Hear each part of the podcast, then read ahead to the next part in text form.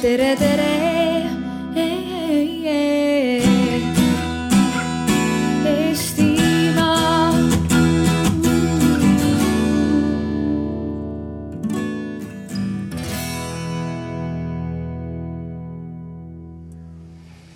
Tere tulemast kõigile. Rõõm teid näha siin. alustame oma aruteluringi interneti ja, ja virtuaalse identiteedi tuleviku teemadel. me vaatame seda täna ütleme sellise domeeninimede ja, ja, ja .ee vaatenurgast. et selle arutelu kutsus kokku Eesti Interneti Sihtasutus, kes siis on vastutav .ee registreeringute ja, ja arendamise eest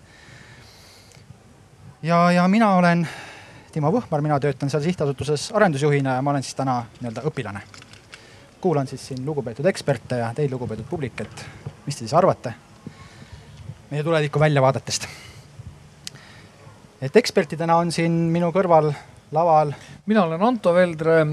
mina kunagi siis, kui domeeni nimesid veel e-net haldas, siis istusin seal nurgas ja haldasin edu.ee-d. ja siis sain aru, mis, mis värk see on. ja siis vahepeal olid mingid segased ajad, aga ma olen maru rõõmus, et nüüd on jälle täiesti selged ajad ja ja ainuke, mida saab interneti sihtasutusele nüüd ette heita, ongi see, et nad on hoopis laiemalt tunginud ühiskonda ja üritavad kaasata inimesi hoopis suuremate teemade lahendamisel, aga, aga töö osas ei ole küll midagi ette heita, kõik töötab jumala hästi kui kellavärk. aitäh. mina olen Peeter Marvet, ma olen äh, ma kannan hästi paljusid mütse. tööalaselt ma kannan mütsi sellises kohas, nagu seda on Zone Media, mis on üks äh, suuremaid muuhulgas .ee domeenide äh, registripidajaid. aga vahest ütleme .ee-ga seob mind rohkem see, et äh, minu kunagine domeen goodwin.ee oli mäletamist mööda teine .ee domeen üleüldse. esimene oli kbfi.ee ehk et Jack Lippmaa oma kätt, nii et loomulikult temast ette keegi ei saanud. ja ennem seda oli minu internetidomeen oli goodwin.e kaksikv punkt.su ehk et vähe teadaolevaid äh, fakte vahest, et äh, ennem seda, kui tekkis .ee, oli Nõukogude Liidu tippdomeeni all olemas e kaksikv ehk Eesti Vabariigi tippdomeen, mis on minu arust selles mõttes väga, väga müstiline ajalooline fakt mina olen Henrik Aavik, olen IT-ettevõtja ja ka mitmete MTÜ-dega seotud, nagu näiteks Eesti Internetikogukond ning Eesti Krüptoraha Liit, mis on siis ka ilmselt kombinatsioon teatavatest identiteetidest. väga tore. et jah, tänase arutelu eesmärk siis on uurida, kuidas tagada .ee jätkusuutlikkus homses internetis või noh, teistpidi võib ka küsida, et kas sellel siplemisel on üldse mõtet, et kas domeeni nimel on üldse koht homses internetis. et äh, eks sellise üldise arvamuse kohaselt eksperdid on üldiselt väga sihuke edev rahvas. seda tõendab ka see, et me oleme siin lava peal. ja, ja edevad inimesed tahavad, et neid ära kuulatakse, et siis nii-öelda korraldusliku koha pealt proovime iga sellise suurema äh, teemapunkti lõpetuseks siis anda sõna teile, publik aga loomulikult võib ka kindlasti vahepeal trügida, sest et Maarja käes, kes on kusagil seal, on olemas üks mikrofon. ehk et kui meie oleme nagu liiga hõivatud parasjagu omaenda naba imetlemisega ekspertide poole pealt, siis Maarja jälgib teid ja on valmis niimoodi viskama mikrofoni kätte. jah, ja äh, oluline ära märkida, et kõike siin, mis toimub, lindistatakse helis ja pildis kõik pildistavad oma telefonidega, asjadega, kõik see materjal läheb täiesti kontrollimatult internetti et kui keegi seda ei taha, siis peab hästi varju hoidma.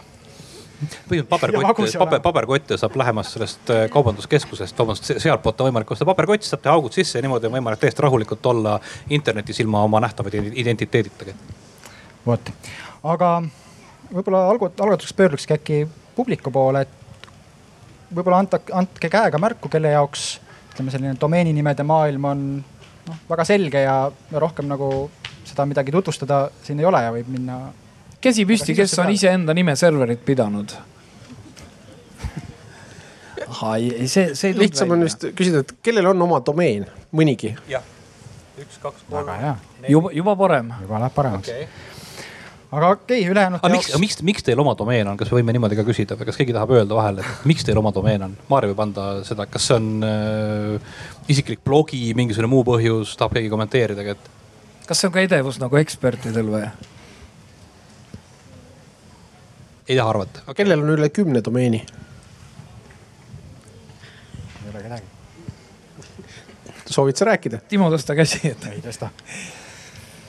ja siis on see võib-olla kõige, viimane küsimus, et aga on teil domeenidega mingisugust jama olnud, noh, et tahate nagu kasiinosse minna ja maksuamet ei lase ja siis tuleb sinna kuhugi kirjutada kaheksa punkt kaheksa punkt kaheksa punkt kaheksa, et ühtegi kätt ei tõuse, kõik on riigi truud kodanikud. kõige ilusam domeen, mis ma täna nägin, oli kohvik.ee, aga i tähe asemel oli number üks, on üks, üks kohviputka seal üleval Arvamuste platsil.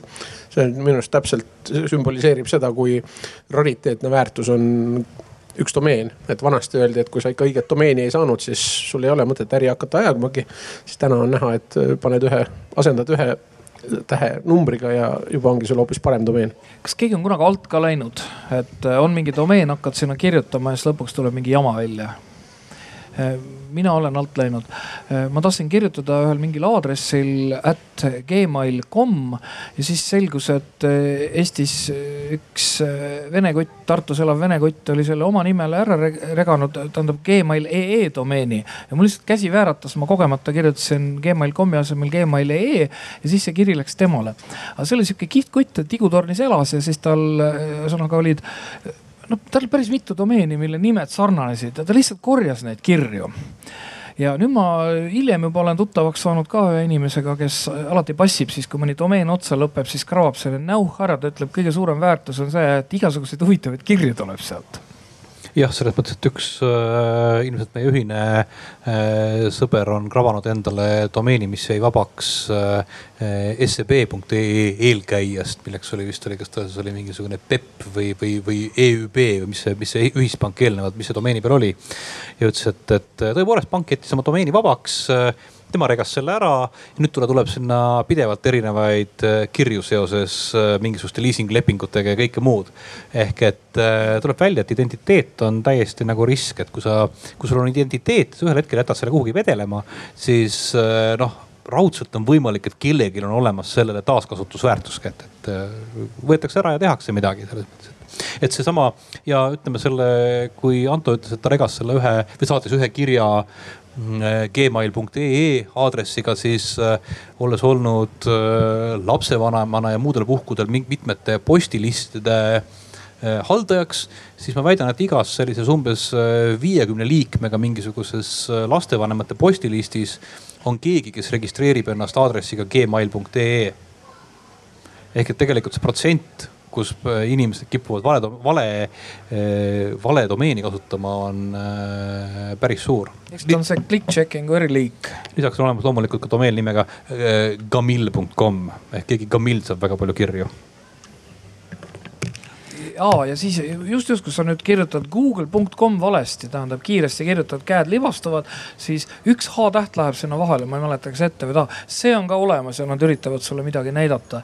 ja Eestis oli vahepeal kolm aastat, käsi oli lühike, ei jõudnud kirjutada artiklit sel teemal, oli Delfi oli olemas. Delfi, ei, Delfi kokku oli üle kahekümne kombinatsiooni ja Postimehest oli ka ja sealt tavaliselt tuli mingit hotelli. Psotimees ilmselt. ja, ja Psotimees, Psotimees. vot, aga nagu te kuulsite, siis domeeni, domeenide maailm on väga põnev iseenesest tehniliselt on tegemist lihtsalt viitega mingisugusele nii-öelda füüsilisele numbrilisele aadressile, et seda võib võrrelda telefoninumbrite süsteemiga. et kus see nii-öelda masinad omavahel suhtlevad IP aadressite kaudu, aga see inimesele ei kipu kuidagi meelde jääma. et siis on selline nii-öelda domeeninimede süsteem, mis peaks siis olema selline meeldejäävam unikaalne viide sellele IP aadressile, et mille kaudu siis inimesed paremini üles leiavad neid teenuseid. on siin keegi, kes suudab nimetada vähemalt ühte IP aadressi? ja nimeta üks siin sada kakskümmend seitse null null üks siin sisaldub ja väike huumor, kes ei tea, siis need on nii-öelda erikasutusega reserveeritud aadressid, et, et anna vaimu, et mida siis teine pool teab. ja siis, kui ta ütleb sada üheksakümmend kolm, nelikümmend ja sinna veel kopikaid järgi. siis on e-net siis, siis on jah ülikool või kool või, või jah instituut, et, et siin jah mingisugune süsteem on. aga palju te jaksate need meeles pidada? See on veel keerulisem süsteem. CERDis töötasin vahepeal see Eesti autonoomsete süsteemide arv noh hakkas jõudsalt kasvama, alguses need oli mingi, mingi mõnikümmend tükki ja siis läks üles. ja igal siis AS-il on mingi oma komplekt aadresse, neid siis neid on tas sada üheksakümmend kolm, nelikümmend või mingi kakssada kolmteist punkt bläh. ja ja noh, minu silm mingi hetk harjus ära niimoodi, et kui ma juba IP aadressi näen, siis mul tuli, kuidas öelda, see noh, võrgujohtaja nägu juba tuli silme ette, et nüüd ma olen selle kvalifikatsiooni ära kaotanud, et nüüd, kui mulle no,. selliseid, selliseid inimesi on Eestis on äh, suhteliselt vähe ja ma pean tunnistama, et üks äh, kõige jaburamaid äh, riigiametnikelt kuuldud ideid. ma olen päris palju riigiametnike jaburaid ideid kuulnud, aga oli sideametilt, kes otsustas, et tuleks IP aadressid jagada ära niimoodi, et IP aadressi järgi on aru saada, kas arvuti on Tartus või Tallinnas, et. see oli tingitud sellest, et, et vaene sideamet et tollel ajal ei saanud lihtsalt aru, kustkohast IP aadressid tulevad. Nad arvasid, et see on mingi linnavalitsuse poolt jagatav ressurss, et kusjuures see oli seadusettepanekus sees, ma mäletan, ma kirjutasin mingi jubeda kläusa selle peale, et mida te ja siis järgnes loetelu sõnadest. aga kordas igatahes sai, telefoninumbreid ja raadiosagedusi nad jagavad ja, ja IP aadresse nad ei jaga, et sellega on korras. et neid jagatakse ikkagi ripest ja ripele jagab neid keegi teine ja, ja nii see on. aga kas IP aadress üldse on tänapäeval identiteedi osa, et, et noh, enamus inimesi või väga paljud inimesed võiks ju mõne levinud VPN-i IP aadressi kuulutada oma identiteediks niimoodi, et. Äh, see oli väga hea küsimus, sellepärast et Euroopa kultuuriruumis on leitud, et IP aadress on isikuanne.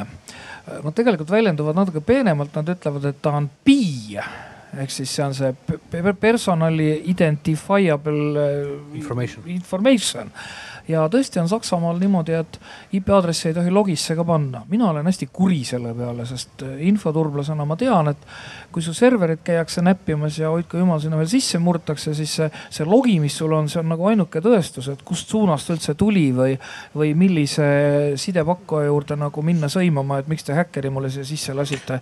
ja, ja kujutad ette, kui sa ei tohi logisse kirjutada ka, kust see tuli, aga täpselt seda GDPR praegu teeb aga kas ähm, see kehtib siis ähm, nii firmadele kui eraisikutele, et ühesõnaga teoreetiliselt, kui see on firma nimel, siis ju võib kirja panna, sest äh, see ei ole isikuanne siis, kui okei okay,, aga kas sina nüüd suudad IP aadressile otsa vaadates öelda, et vaata, see on nüüd Anto või, või Betsi isiklik kodune no ma panen ta kirja ja siis hakkan juurdlema ja Oot, kui tuleb juba... infot juurde, siis ma näen, et eraisik ja panen. Euroopa õigusruumis on pigem on niimoodi, et, et tullakse, vaadatakse, veendutakse, et sa oled kirja pannud ja siis sa pead tõestama, et sul oli eh, tehtud due diligence veendumaks eelnevalt, et tegemist ei olnud isikuandmetega, nii et selles mõttes, et see on nagu. kõlab nagu miski asi, mida saaks automatiseerida. aga põhimõtteliselt üldiselt noh, enamasti puhkudel harilikult saab sellest murest üle, kui keegi tuleb küsima, siis kui ma küsin, ütlen, et et kas te olete nõus maksma kinni selle, et ma muudan oma süsteemid selliseks, et äh, nad ei saleta, saleta, talleta seda informatsiooni äh,. aga me turvame seda teisiti ja harilikud inimesed ütlevad, ei, seda ma küll ei taha ja siis nagu saame rahulikult jälle edasi liikudagi aga jah, VPN-i kasutamine noh, mingi tasemeni päästab. kas just täna öösel oli üks uudis, kus kas see oli Kaspersky VPN järsku, mis lekitas kogemata sinu, sinu aadressi vastasele või et sihuke viga saadi kätte, et muidu tore VPN, aga pisiviga oli küljes. Aga jah, et sellest kõigest nendest keerulistest numbritest äh, üle saada, on siis juba ammusest aegadest olemas seesama domeenide süsteem. Äh, tänase seisuga on maailmas registreeritud kokku, kui ma hästi mäletan, kas oli üle kolmesaja miljoni erineva domeeni nime Neist äh, üle poole oli minu arust oli, kas oli .com'i all või kirjas. ja siis väiksem osa oli see, mis olid äh, kõikvõimalikud muud. sinna kõikvõimalike muude hulka siis äh, kuuluvad ka rahvusega seotud või, riiklikud, rahvuslikud äh, tippdomeenid, nagu meie puhul on äh, .ee ja ja siis on olemas veel selline kolmandat sorti domeenid, ehk me teame .com, .net, mis olid need vanad suured. siis on need maade omad, mis on sellised äh, ka sihukene nagu legacy pikka aega olnud. siis on viimastel aastatel tulnud juurde veel, leiti tähendab, et kuna inimesed tahavad nii kohutavalt neid domeeni nimesid osta, siis äh, teeme turu suuremaks. hakkame müüma rohkem domeene ehk siis tekkisid domeenid, kus on lõpus kõikvõimalikud XYZ ja äh, Belgia ja Amsterdam ja arhitekt ja, ja mis iganes muud, mille, mille selliseks üldiseks nimetuseks on nii-öelda siis äh, uued geneerilised äh, tippdomeenid äh, millega on õnnestunud äh, keskorganisatsioonil äh, kõvasti raha kokku, kokku ajada ja mille müümisega on äh, need domeenid enda hallata võtnud organisatsioonidel suhteliselt peenike pihus. Sealt tuleb välja, et inimestele see selline nii-öelda see punkt X, Y, Z punkt arhitekt, mõnikord on see naljakas, aga tundub, et enamustele see nagu laiemaks läinud nimeruum eriti korda ei lähe. Kusjuures no, mina vahepeal mõtlesin. mis seal ikkagi halba on, ma ei saanud sellest aru, sa olid kuidagi kriitiline, aga see on ju tegelikult hea, et need on olemas selles mõttes, et jah, et aga kui keegi nüüd ei, see on, see on selline äh, suur, paljude jaoks oli see selline nägemus nagu, et, et me läheme nüüd sinna, seal on mägi, meil on kirka kaasas ja me läheme kulda kaevamagi, et et meil on võimalik siin tähendab avada täiesti uus business ja nüüd on see kõik, mida täpselt vajavad.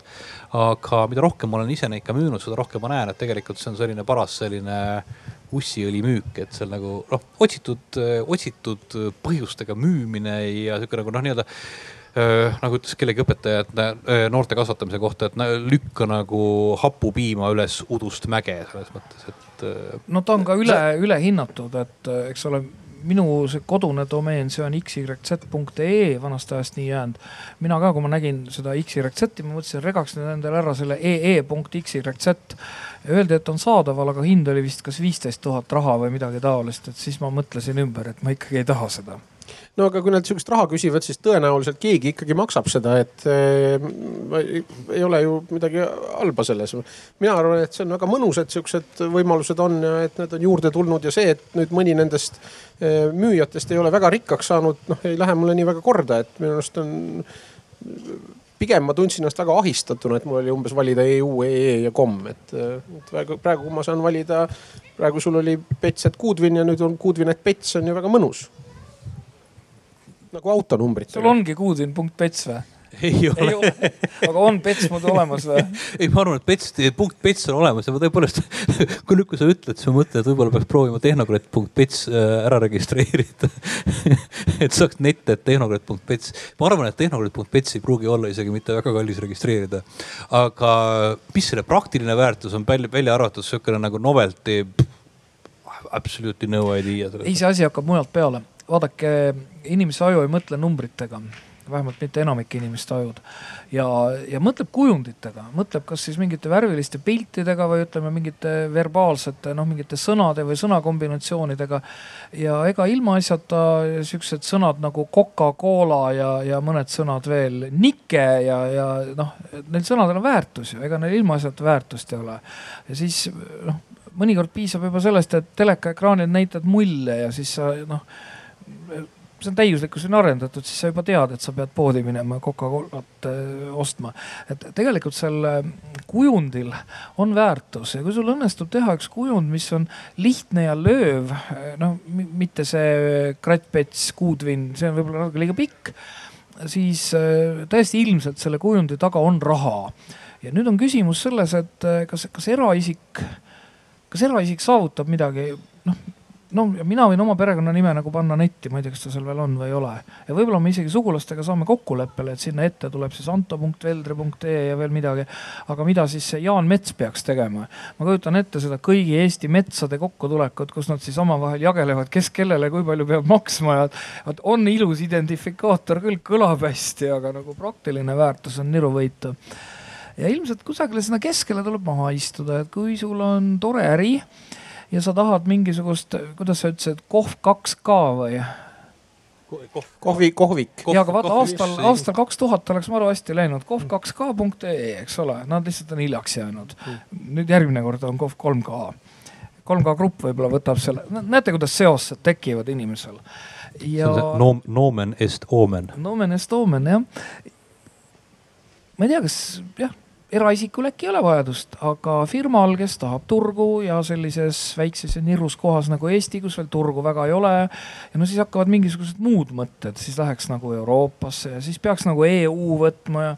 ei ikkagi ma ei saa aru, et kui on tehnoloogiliselt võimalik eh, jätta ära igasugune punktidega, et noh, tänaseks on ju sellest www-st ees täiesti loobutud, aga olid ajad, kui see www oli väga oluline ees ja noh, et kuna tehnoloogia võimaldas, siis lõpuks loobuti sellest ja elu läheb edasi.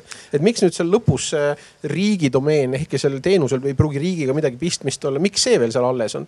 et eh, kui on võimalik registreerida endale mingi domeen, mis on mingi ilus lause, sõna või midagi, miks need punktidega laiendid seal lõpus peavad olema? Jah, tõesti, miks üldse tippdomeeni vaja, eks ju. jah, just. ainult üks sõna. no näiteks. jah, lihtsalt võiks, võikski olla tegelikult üleüldse ilma tippdomeenita. vaata sellega nüüd tekib sama küsimus, mis on siin tekkinud suured probleemid seoses Taxify'ga ja, ja Uberiga, eriti sellistes kohtades nagu seda näiteks New York, kus on perekondade kaupa investeeritud taksomedaljonidesse ehk siis selleks, et sa saaksid New Yorgis taksot sõita, pead sa olema linnavalitsusele päris kõvasti raha maksnud. linnavalitsus on neid väga vähe välja andnud, järelikult on pigem on võimalik saada teiseselt turult, eks ju. ja see on selles mõttes sihukene nagu äh, elu osa ehk et kõik inimesed teavad, et see on väärtus ja nüüd tulevad järsku mingid vennad, kes hakkavad taksot sõitma, ilma et nad ostaksid endale medaljoni, eks ju ja sama küsimus et miks ei saa ilma selle noh, nagu punktiga lõpus olevat tippdomeenita domeenisüsteemi teha. on see, et, et aga mõtle, kui palju tähendab ka Eesti Interneti Sihtasutus, eks ju, päris mitmed teised organisatsioonid on investeerinud sellesse, et nad haldavad seda ühte selles mõttes tükikest sõnaruumist, eks ju noh, kõik on kehtestanud omale mingisugused erinevad reeglid, eks ju, erinevad süsteemid. turg on selles mõttes meeldivalt äh, killustunud, igaühel on seal oma mingisugune tükike, oma nägemus. et äh, noh, nüüd kui me tuleksime välja ideega, et, et noh, sellest tippdomeenist üldse ära loobuda, siis noh, nagu noh, nii no, paljud ütleksid, et tähendab, et sa, rikud, sa rikud meie, sa rikud meie äri ära ju. ei, ei, ega mul kahju ei ole, et maksame ikka edasi. aga lihtsalt, et eh, miks ei võiks neid domeene olla noh rohkem, et miks ma ei võiks interneti sihtasutuse käest paluda endale noh, Aavik aa, ja siis äh, punkti asemel võiks veel nagu koma kasutada. sidekriips, koma. muide, Compusserv kunagi kasutas, et see päris nali ei ole. aga mina ise ka kunagi selle XYZ-i kuidagi omasin ära ja, ja siis ma mäletan rahvusvahelistel konverentsidel tuleb mingi sakslane, temal on mingisugune unidarmstadt.ee ja seal ees on veel mingi electrical engineering, ühesõnaga midagi ja minul on XYZ-e, ta vaatab seda visiitkaarti ja ütleb, et, et, et das ist nicht möglich no siin riigis on mööglik, no seepärast ma teda nagu hoidsin. aga räägi, Timo, mis, mis sellest hiinlaste jamast sai, selles mõttes, et hiinlased ju tulid vahepeal ja, ja maksid teile nii palju raha, et vähe ei olnud ja võtsid igasuguseid domeene. mis domeenid need olid, mida nad võtsid, kas nad on nüüd selle ära lõpetanud või mis neil peakolus oli, mis nende äriidee oli? jah, ja miks te müüsite neid kahetähelisi ka kümne euro eest? kui teised küsivad viisteist tuhat. no tõsi on, et meil vahepeal oli tõesti elu nagu lill et tegime, tegime punkte nii-öelda lahti, lähenesime asjale nii-öelda filosoofiliselt, et üldiselt sellised riigitunnusega tippdomeenid tihti on piirangutega, nii oli pikalt ka .ee puhul, et see oli nii-öelda reserveeritud siis ainult nii-öelda eestlastele registreerida. Korra räägime veel vahele, et miks need piirangud tegelikult halvad olid ja miks on hea, et siis kui e-net haldas, siis äh, ühele asutusele tohtis anda ühe ainsa domeeni. mina töötasin siis pangas, pank tegeles kinnisvara finantseerimisega ja siis äh, ärifirma tegi siis noh, mingisugune, mina ei tea, pildiküla punkt, ma ei tea, mis ee, noh, kuhu sai elamuid osta ja siis mingisugune rohuküla punkt ee. Neil oli kokku mingi kakskümmend viis domeeni, kus neil need projektid käisid ja mida oli vaja reklaamida. no kinnisvarabüroo oma nimele pani ühe, pank oma nimele pani teise, mis sa ülejäänud kahekümne kolmega teed äri tahad ju ajada, eks ole. MTÜ-d teed. eraldi tühjad juriidilised kehad. jah, et siis teed juriidiliselt tühjad kehad, siis läheb asi juriidiliselt korrektseks. et selles mõttes see, et te vabaks lasite, see on jumala okei okay..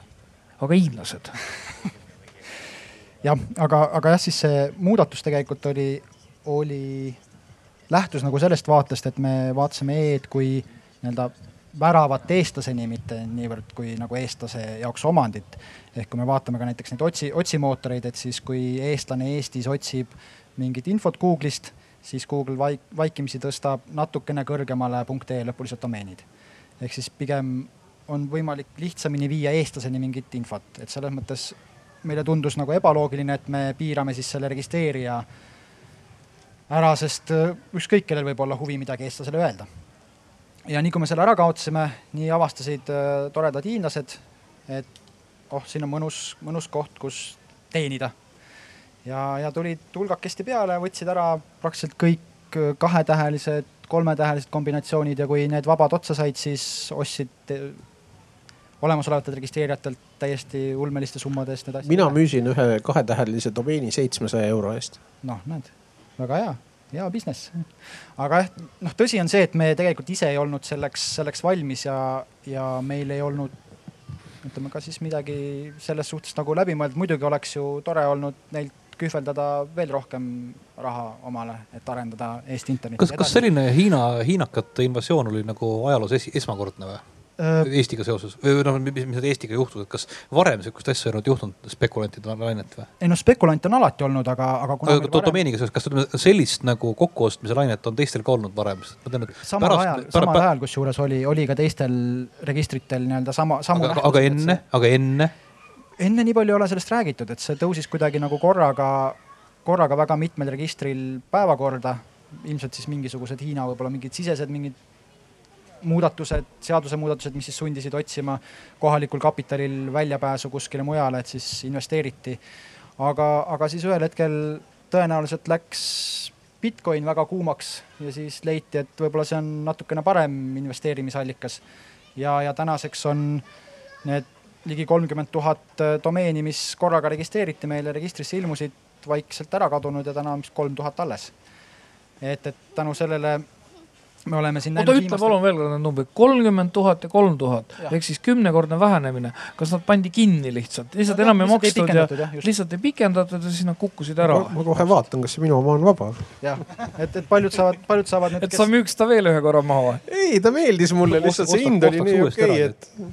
ja, jah et jah, seda küll, et paljud saavad nüüd tagasi osta oma domeene, mis kalli raha eest maha müüdi, jälle odavalt, kümne euro eest et, et jah, et see, see trend on muutunud, hiinlased kaovad ära, mõned, mõned on veel jäänud ja me oleme täna nii-öelda sellises, ütleme siis tagasi liigume selles tavapärasesse arengutrendi, et, et kui meil nii-öelda üldist rahvusvahelist trendi vaadata, et siis ikkagi nii-öelda riigitunnusega tippdomeenid üldiselt kasvavad.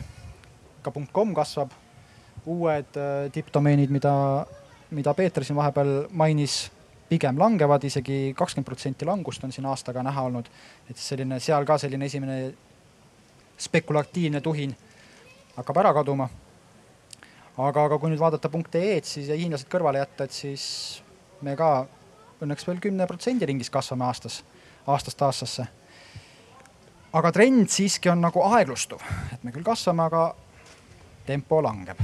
Võtaks siit kohe selle järgmise huvitava teema siis, kui see reform oli, siis kui neid domeene teile üle anti, siis oli säärane tore domeen nagu pri.ee. tal oli vahepeal mingisugune eristaatus, et iga eraisik sai sinna midagi teha.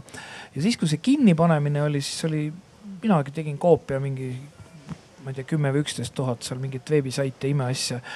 aga Ria tabas ära, et oi, see on üks maru huvitav asi ja siis Eesti E-le keevitati hoopis eestpoolt neid aadresse juurde niimoodi, et sa said sinna, ma ei tea, panna oma mingeid isikukoode või, või asju ja siis see oli nagu veebiaadress põhimõtteliselt, et noh postiaadress siiamaani töötab ja niimoodi, aga üritati ju täiesti Eesti domeenile noh alla, alla neid monteerida ja mingil hetkel tuli mõte, et aga, aga äkki see võib-olla ei ole väga turvaline, sest siis kõik rünnakud tulevad ju ka Eesti e pihta, et, et noh, jälle sihuke mõte, mis tuli hiljem, et vaata, sul on erilist turvalisust vajav veebisait ja, ja siis nüüd, nüüd keevitad, keevitad midagi juurde, et ei, et äkki, äkki ikka ei ole mõtet niimoodi, niimoodi teha, et vot niisugused huvitavad nüansid, aga mis te arvate, kas, kas on tegelikult vaja mingisugust süsteemi või kuidas inimene saab kas siis peab olema see jaan.tamm.ee või no need on teada need ISO hierarhiad noh punktiga eraldatud ülevalt juurikast hakkab tulema ja siis kõik unikaalselt tuleb, tuleb nagu alla välja, et on see nagu inimese moodi? kas üldse on see identiteet kuidagi peaks olema sihukese mm, domeeniga ikkagi seotud, et noh,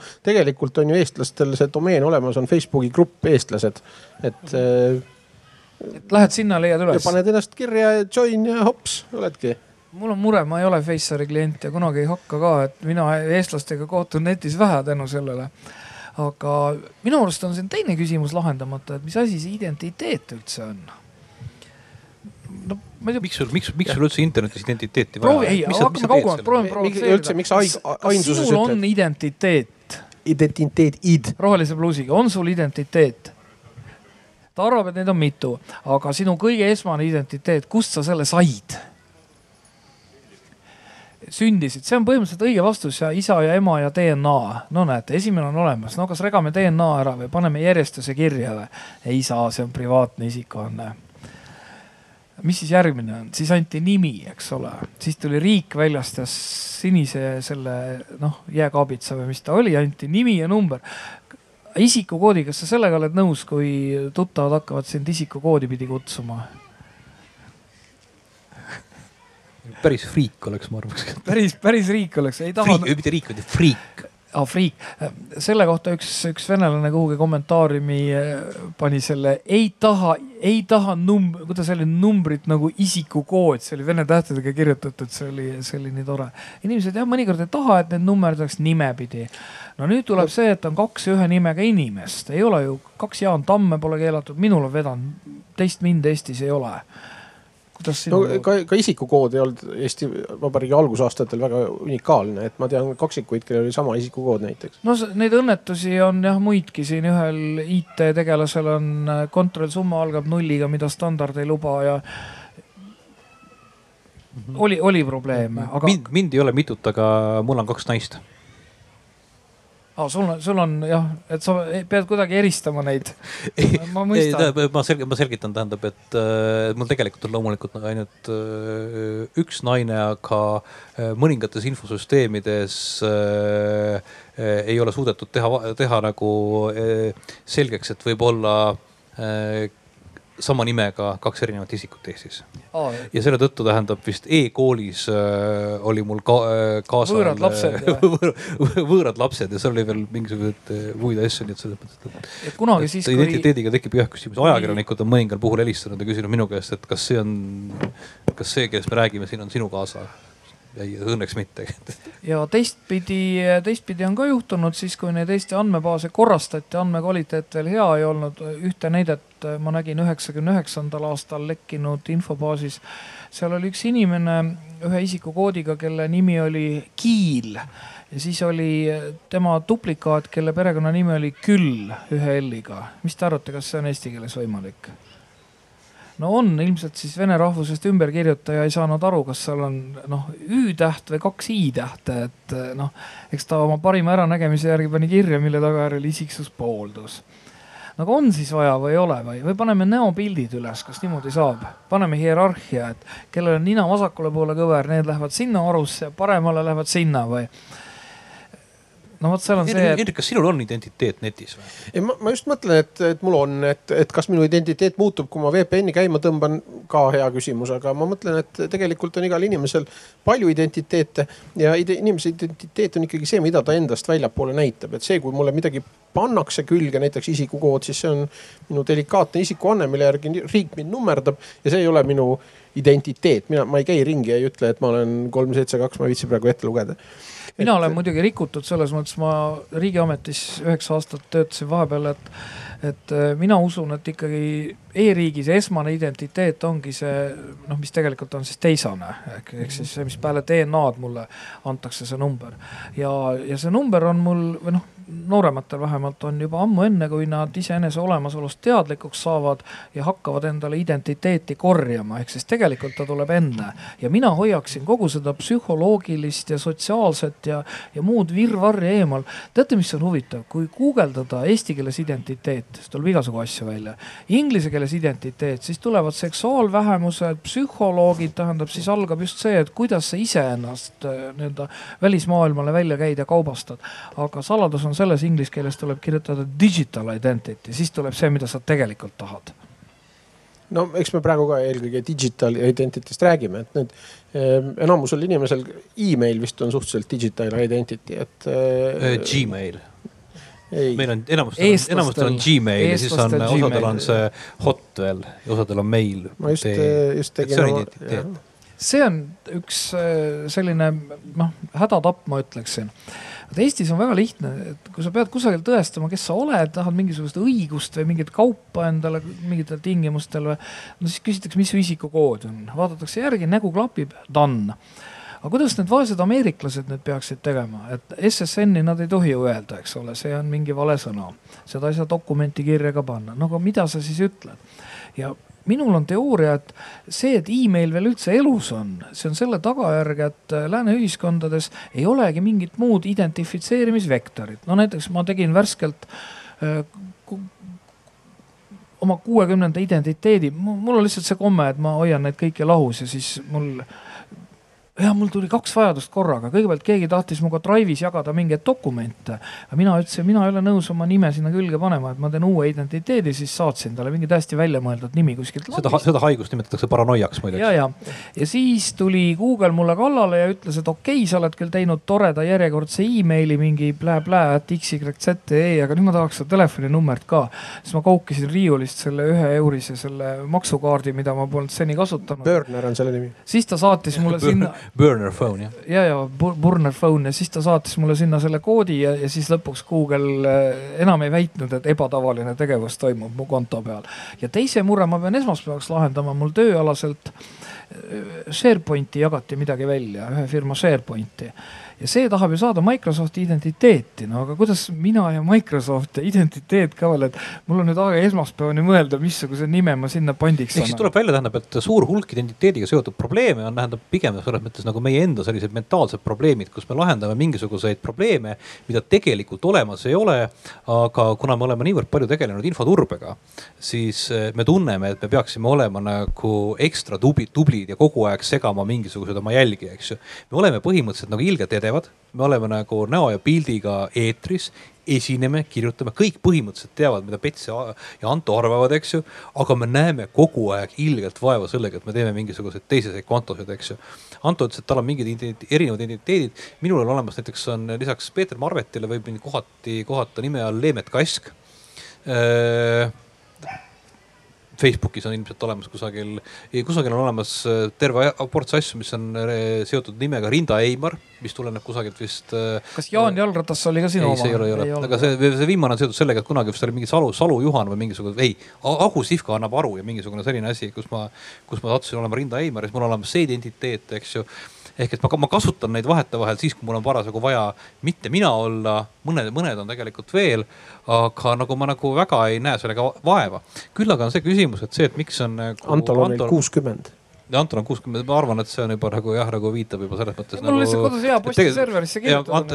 ja Anto, Anto tegelikult on see, keda teatakse kui tundmatuks jääda sooviv infoturbespetsialist, eks ju et, et see nagu küsimus on selles, et aga miks meil need identiteedid on, eks ju, miks sul on see X, Y, Z, selle eh,, miks mul on eh, tehnokraat ja teised olemas.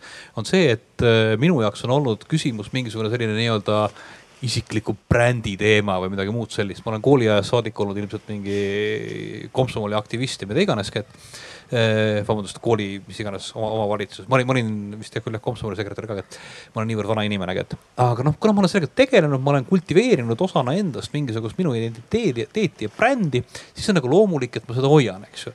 Aga ma olen mõelnud, et, et aga, et aga noh, nagu ma ei tea, et hetkel, kui ma olen selle ära kultiveerinud, kas mul tegelikult on seal vahet, et kus kohas mul see informatsioon asub, eks ju.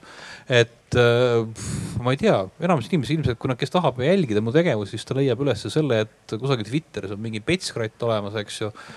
Selle järgi kodulehekülg, jah, põhimõtteliselt mulle võib sinna e-posti selle aadressi järgi saata, aga noh tegelikult see on rudiment, ma hoian seda, mul on keldris on näiteks olemas mingid vanad arvutid, mida ma hoian ainult alles, tähendab sellepärast, et see oli minu esimene arvuti mul kaasa kogu aeg küsib, et Pets, miks on sul alles see arvuti, ma ütlen, et. mul on ka alles. see oli, see oli mu esimene arvuti ja siis ta jah, ja siis ta ütleb, et okei okay,, et noh, et sa oma esimest arvutit võid hoida, aga et kas sa neid ülejäänud kümme võiksid nagu ära visata.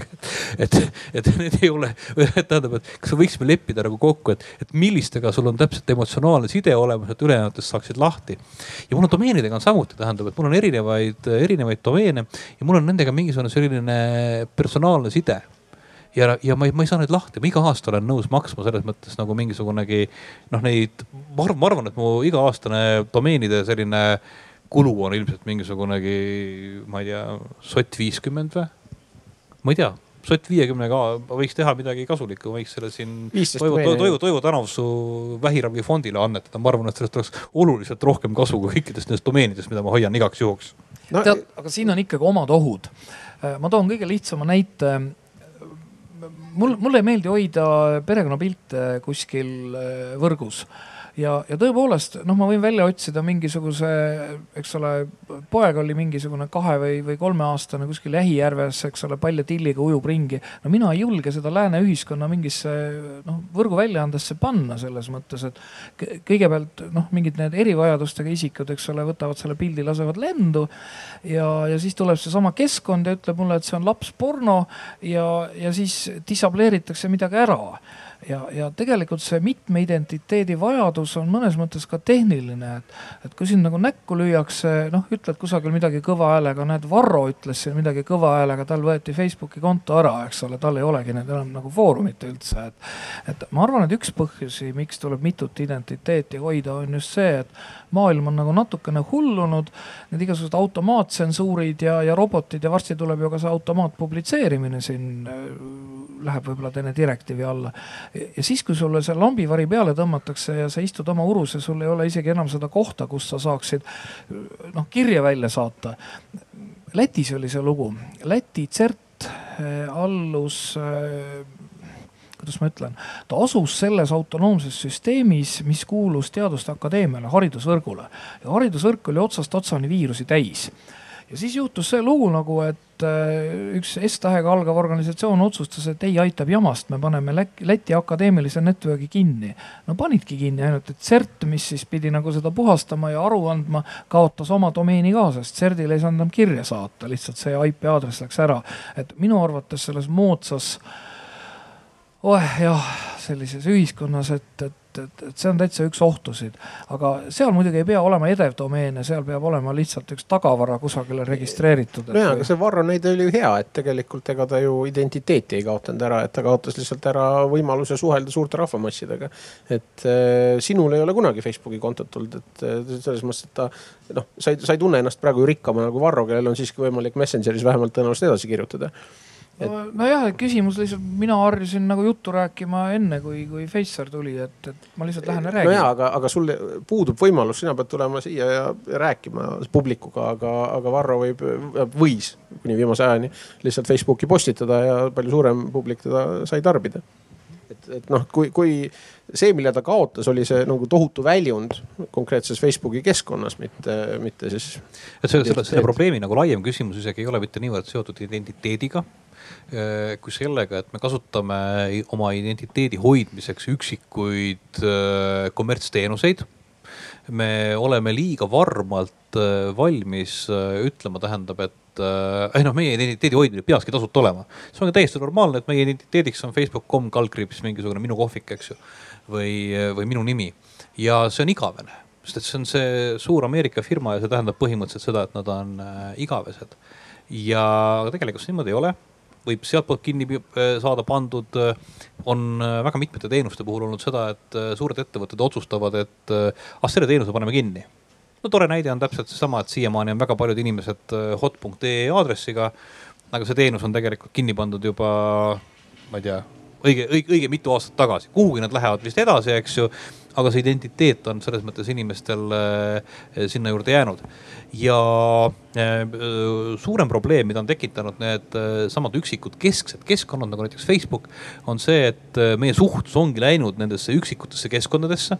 ennem seda olid olemas blogid, mingisugune RSS, asjad omavahel, veebid suutsid omavahel suhelda ja kõik oli selline hajus interneti põhimõttele vastavalt selline hajus ja resilientne. ja võis käia ilma sisse logimata ja. vaatamas ja Pets ei saanud kunagi teada, et Anto on teda vaadanud. aga eks ole, nüüd on üks Face Pitsar, kuhu Antot sisse ei lasta, sest ta on mitte keegi ja, ja nii ongi. vaata enne me rääkisime sellest äh, Seebi või mis ta oli, EÜPi domeenist, mis, mis läks kaduma. kas te teate, Microsoftil on olnud kaks juhtumit, kui ta on unustanud oma domeenid regamata. Needsamad, mis nad seal olid, see Ott et ei, see on hot, see oli üks, üks Hotmail, Hotmaili vist jättis üks kord ja üks teine domeen. ja siis olid mingid heasoovijad, kes lihtsalt sellepärast, et nende enda isiklik email käiks, läksid ja kiiresti regasid ära, enne kui pätid ja siis kinkisid Microsoftile tagasi selle, et, et et, et see vektor on nii oluline ja mina pean ka sellega arvestama, et siis kui ma peaks nüüd iga aasta lõpus nagu maksma järgmise aasta eest seda raha, et mul see X-Y-Z nagu. ja no ma ei tea, ma lasen Elionil seda teha, sellepärast et noh, kujutad ette, mulle kukub telliskivi pähe või ma murran jalaluu ja olen sellel hetkel haiglas ja. ja siis ma tulen nagu tagasi ja siis mul ei ole enam domeeni ja mul pole ühtki kohta, kuhu mulle kirjutada ka identiteet on üks ilge koorem ausalt öeldes, et selle üleval hoidmine on sihuke paras ja, ja samamoodi, et kui tõesti kukub telliskivi pähe, siis selle identiteedi mahavõtmine on täpselt samamoodi, et juba, juba tekivad äh, igal pool maailmas teenused, äh, siis võimaldavad sul äh, ära kirjeldada, mis saab siis, kui, kui su identiteet hakkab maha kukkuma. ja kas kas ja, kas ja kas te teate, et Facebookis on olemas võimalus öelda, mida peaks tegema teie kontoga pärast surma? Võtad kaasa jah, jah, jah, pakid kaasa, aga et äh, ei, seal on võimalik öelda, kas see läheks edasi sinu mingisugustele, antakse haldamine üle sinu mingile lähedasele või et sa, või et see suletakse, kui Facebook saab teada sinu surmast, siis pannakse kinni. ehk et seal on võimalik selles mõttes äh, selle poole pealt äh, see asi niimoodi vähemasti äh, ära, ära lahendada. samuti nagu, nagu digilugu.ee veebis või e-tervises on võimalik öelda, et mis sinu kehaga pärast saab selles mõttes. ja turvamees minus hakkab siin mässama, sellepärast et genid ei ole siis üldse enam vaja, sest eks ole, Facebook peab siis teadma, kes on minu sugulased vastavalt Eesti seadusele ülenevas ja alanevas liinis otsesed, eks ole kellele nad siis Eesti seaduste alusel tohivad seda minu seda kehandit äh, seal üldse nagu pärandada, et, et geniga on siis lõpp, ma saan aru. mina küll ei usalda neile oma suguvõsa hoidmiseks, geni veel kuidagi, aga aga noh, äri poole pealt vaadates on äh, minu arust see küsimus isegi nagu suurem selles mõttes, et ma näen nagu väga palju neid, kes on oma kommunikatsiooni ehitanud üles nende samade väliste teenuste peale, mis alguses olid tasuta, alguses olid toredad sõbralikud keskkonnad, tasapisi on muutunud selleks, kes äh, otsustavad kes kellega ja millise raha eest täpselt võib äh, suhelda. ja see tunne, et et äh, oma identiteeti hoida ühes mingisuguses keskses, äh, just ärilist identiteeti hoida ühes keskses teenuses on hea mõte, see on nagu minu arust äh, juba päris efektiivselt jalga tunnistanud, tulistanud. ega see teistpidi parem ei ole, et oskad sa, Timo, teie eeskirju kommenteerida, et, et kui näiteks mingi domeen kogu aeg levitab viirust, et mis siis saab? no näiteks on mingisugune kükametsakolla.ee ja ükskord on seal viirus ja teinekord on viirus, et CERT teeb neile hoiatuse ja lõpuks levitatakse sealt mingit pahatahtlikku jama ka veel. mis siis lõpuks saab? siis loodetavasti CERT pöördub meie poole. jah, seadus räägib, räägib pikalt-laialt, mis, mis on ja seadus ütleb, ja... siis selle kohta, et siis tuleb pädev riigiasutus ja, ja teeb taotluse, et see pood Just. kinni panna. mina kinni. olen see õnnetu inimene, kes on oma elus kas kaks või kolm sellist taotlust teinud töö ajal. üks oli Facebook.ee, see, mis korjas paroole, et, et siis kui kogemata kommi asemele e sisestasid, siis korjas su paroolid ära, siis viskas sa õige Facebooki lehele ja siis ütles, et sorry, et autentimine ei õnnestunud, proovi veel. sihuke hea business oli, pärast politsei viis ta minema, domeen pandi kinni. ma ei teagi, kas õige Facebook on nüüd selle omale saanud või vist jah, niimoodi. aga kujuta nüüd ette, et on mingisugune suurem punt näiteks mingis, no ma ei tea, näiteks mingi kus me siin oleme, Paides jah, no näiteks mingisugune paideinternet.ee jah. ja osad on viisakad inimesed, hoiavad oma kirju seal. Ja osad on pätid, levitavad oma viirust seal. Ja siis ühel hetkel tulevad Anto ja, ja Timo ja panevad selle domeeni kinni, sellepärast et seal on juba seitseteist pool viirust levitatud. ja siis kõik need kohalikud mammid, kes ehitasid oma identiteedi üles selle Paide internet.ee peale, nendega on siis läbi, eks ole, neile ei saa enam kirjutada ka.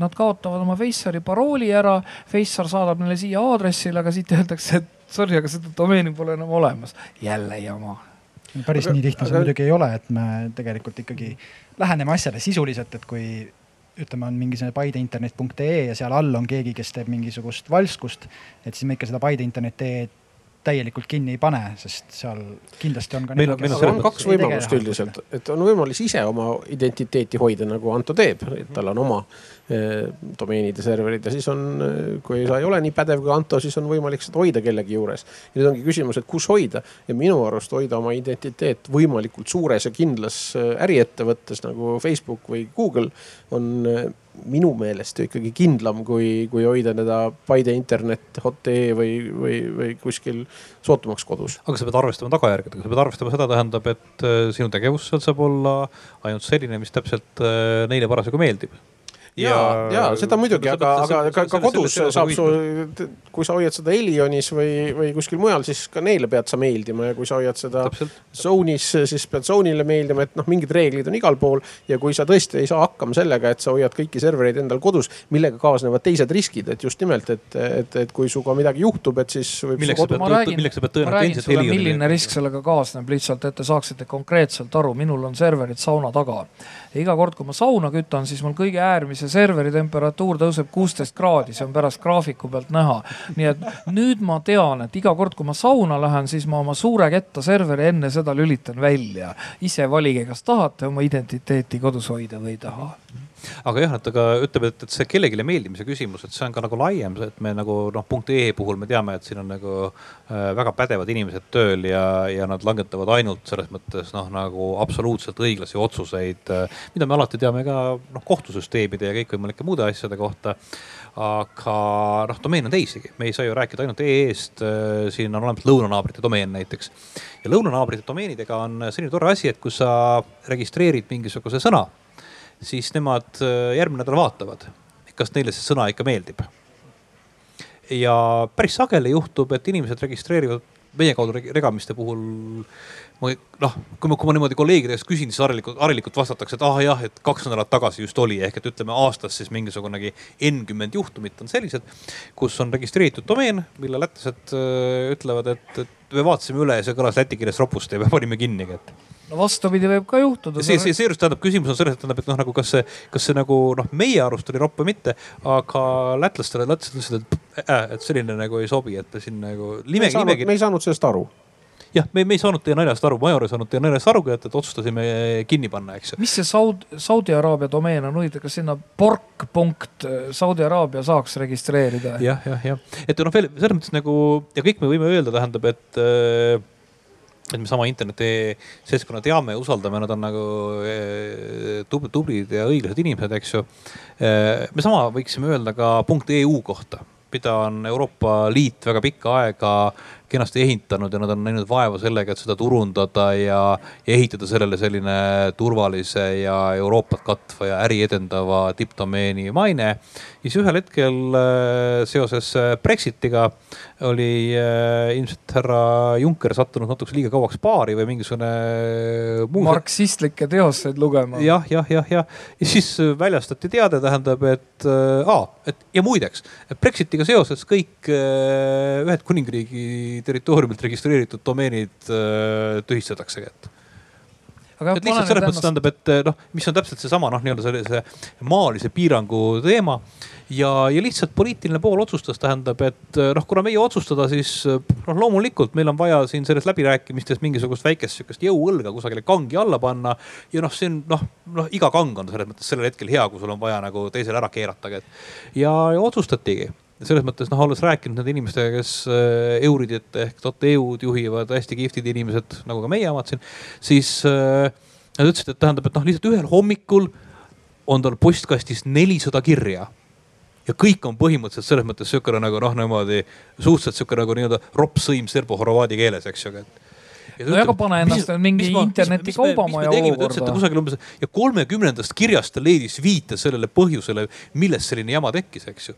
ja tuligi välja, et identiteeti jagava organisatsioonil on olemas nii-öelda kõrgemal seisev body, mis mingil hetkel lihtsalt ütleb, et äh, jah, et aga teate, et noh, et, te olete nüüd äh, lihtsalt mutrikene meie mingisuguses järgmises mängus ja vabandust ja, ja niimoodi läheb. ehk et see identiteedi küsimus internetis on äh, väga keeruline, et tähendab sihukest noh, nagu lõplikku sihukest nagu turvalist äh, sadamat äh, on raske öelda, et, et noh, ka meie puhul on see, et, et äh, kust tulevad Eesti interneti puhul reeglid, eks ju. Need otsustab ilmselt nõukogu.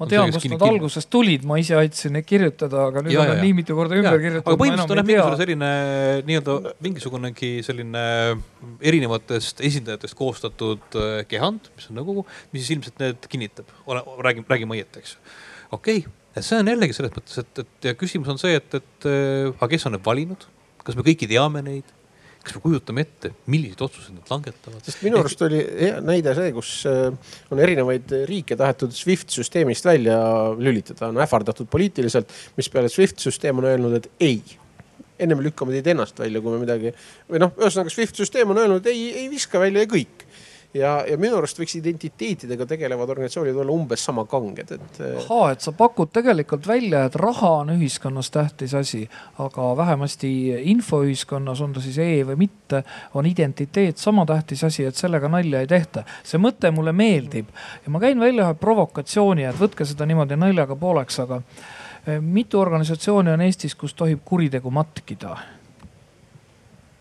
milliseid kuritegusid nad tohivad matkida ja nüüd mul on teile küsimus, kas valimiskuritegu tohib matkida? kas te saate aru, kuhu ma sihin? aga ma täna seda teemat rohkem ei käsitle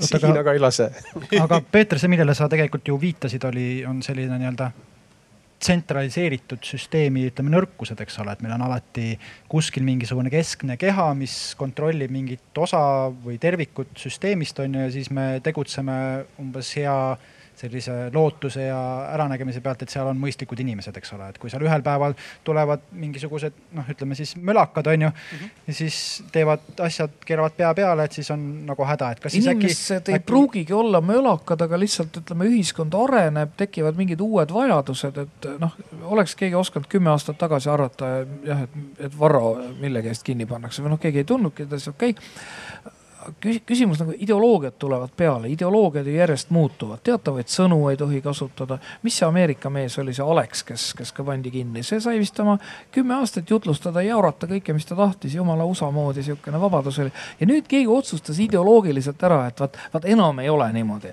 ja neid ideoloogilisi momente, kui riigid omavahel mingi liidu teevad või, või mingi uue suuna määravad, on seda Nõukogude Liidus olnud, on seda Euroopas, eks ole, on Hiinas vot selle eest ei ole kaitstud, alati ei ole ka asi inimestes, mõnikord on lihtsalt see poliitika ja ideoloogia on suurem kui Just, need inimesed. üks asi ongi, et noh, et on poliitika, et, et see, et SWIFT süsteemil on omad reeglid, mis puhul kedagi visatakse SWIFT süsteemist välja, see on normaalne.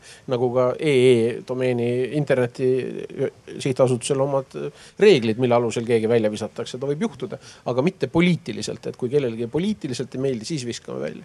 väga palju ulmeraamatuid räägib tuleviku düstoopiatest, kus ei ole enam riiki riiki, vaid on firmad, kes valitsevad planeeti ja minu arust selle Alex Jonesi väljaviskamine on esimene samm sinnapoole, kus Google, Apple ja Facebook otsustasid, et äh, aitab küll, et see mees räägib liiga palju ja liiga kiiresti. no tegelikult neid äh, nii-öelda silte või leibleid, mida saab inimestele külge kleepida, eks neid on läbi aegade olnud. Stalini aeg oli sihuke mõiste nagu rahvavaenlane. sellega sai kõik ära seletada, sest kui Vilja Saak läks hukka ja siis, kui külamehed Aidast varastasid ja äh, noh, see, see kõik oli põhjendatav, ühesõnaga rahvavaenlasega. et, et sellises mittedemokraatlikus demokraatlikus riigis on neid leibleid natuke rohkem. aga Eestis, Eestis on ka üks leibel tekkinud, see on Vene luure see, see on nii huvitav, tähendab kõik, mis on kusagil valesti, kõik, mis läheb mööda, mis peajoont riivab, see on Vene luure. kus mulle tuleb jälle meelde, Stalini aeg oli sihuke väljend nagu Inglise luure ajaloolistel põhjustel, et kõik surmapatud sai jälle Inglise luure otsa aetud. et midagi ei ole teha, praegu on rasked ajad, on ideoloogiliselt rasked ajad ja see risk, et kusagil jah, mingisugune teenus või nimi või olemasolev ressurss võetakse sult ära lihtsalt sellepärast, et see kogemata noh, kuidagi jah, räägi. kuidas äh, mina või meie siin, kes me siin istume, sellest suurkorporatsiooni, selles, äh, kõigest sellest, mis te just rääkisite, kuidas meie siin peame hakkama saama oma identiteediga, mis, mis sellega nagu rääkisime siin isikukoodidest ja igasugustest sellistest asjadest, et et mis, mis tavalise inimese identiteediga nagu tulevikus kõige selle valguses äh, saama võib hakata? Kuidas meie selles suures voolus peame siin hakkama saama, vooluga kaasa minema sellele, mida suurkorporatsioonid jah, minu arust küll, sellepärast et isikukoodi ära võta aluseks, sellepärast et see on seotud Eesti riigiga ja see Eesti riik no, tulevikus on firmad, eks ole. et eh, siis äh, email ei sobi, sest sa kunagi noh ei tea, kuidas su oma domeeniga läheb, et ikkagi kas Google, Gmail või siis Facebooki konto või mingisugune suurkorporatsioon, kes tulevikus maailma valitseb, on ilmselt see, mille suunas siis nagu kõige kiiremini minna. et halli massi ära jah see ei ole hall mass, sul on ju väga värvikad pildid seal konto peal, et ma ei oskagi öelda. aga siis on, lähed, teed DNA analüüsi ja siis viid ta sertifitseerimiskeskusse räsimisele ja siis see bitijada, mis välja tuleb, siis see on sinu oma ja. ei, ei, ei DNA, sõrmejäljed, silmaiiris, see ei sobi sellepärast, et, et see on liiga ligipääsetav kurjategijatele, kes tulevad vanade meetoditega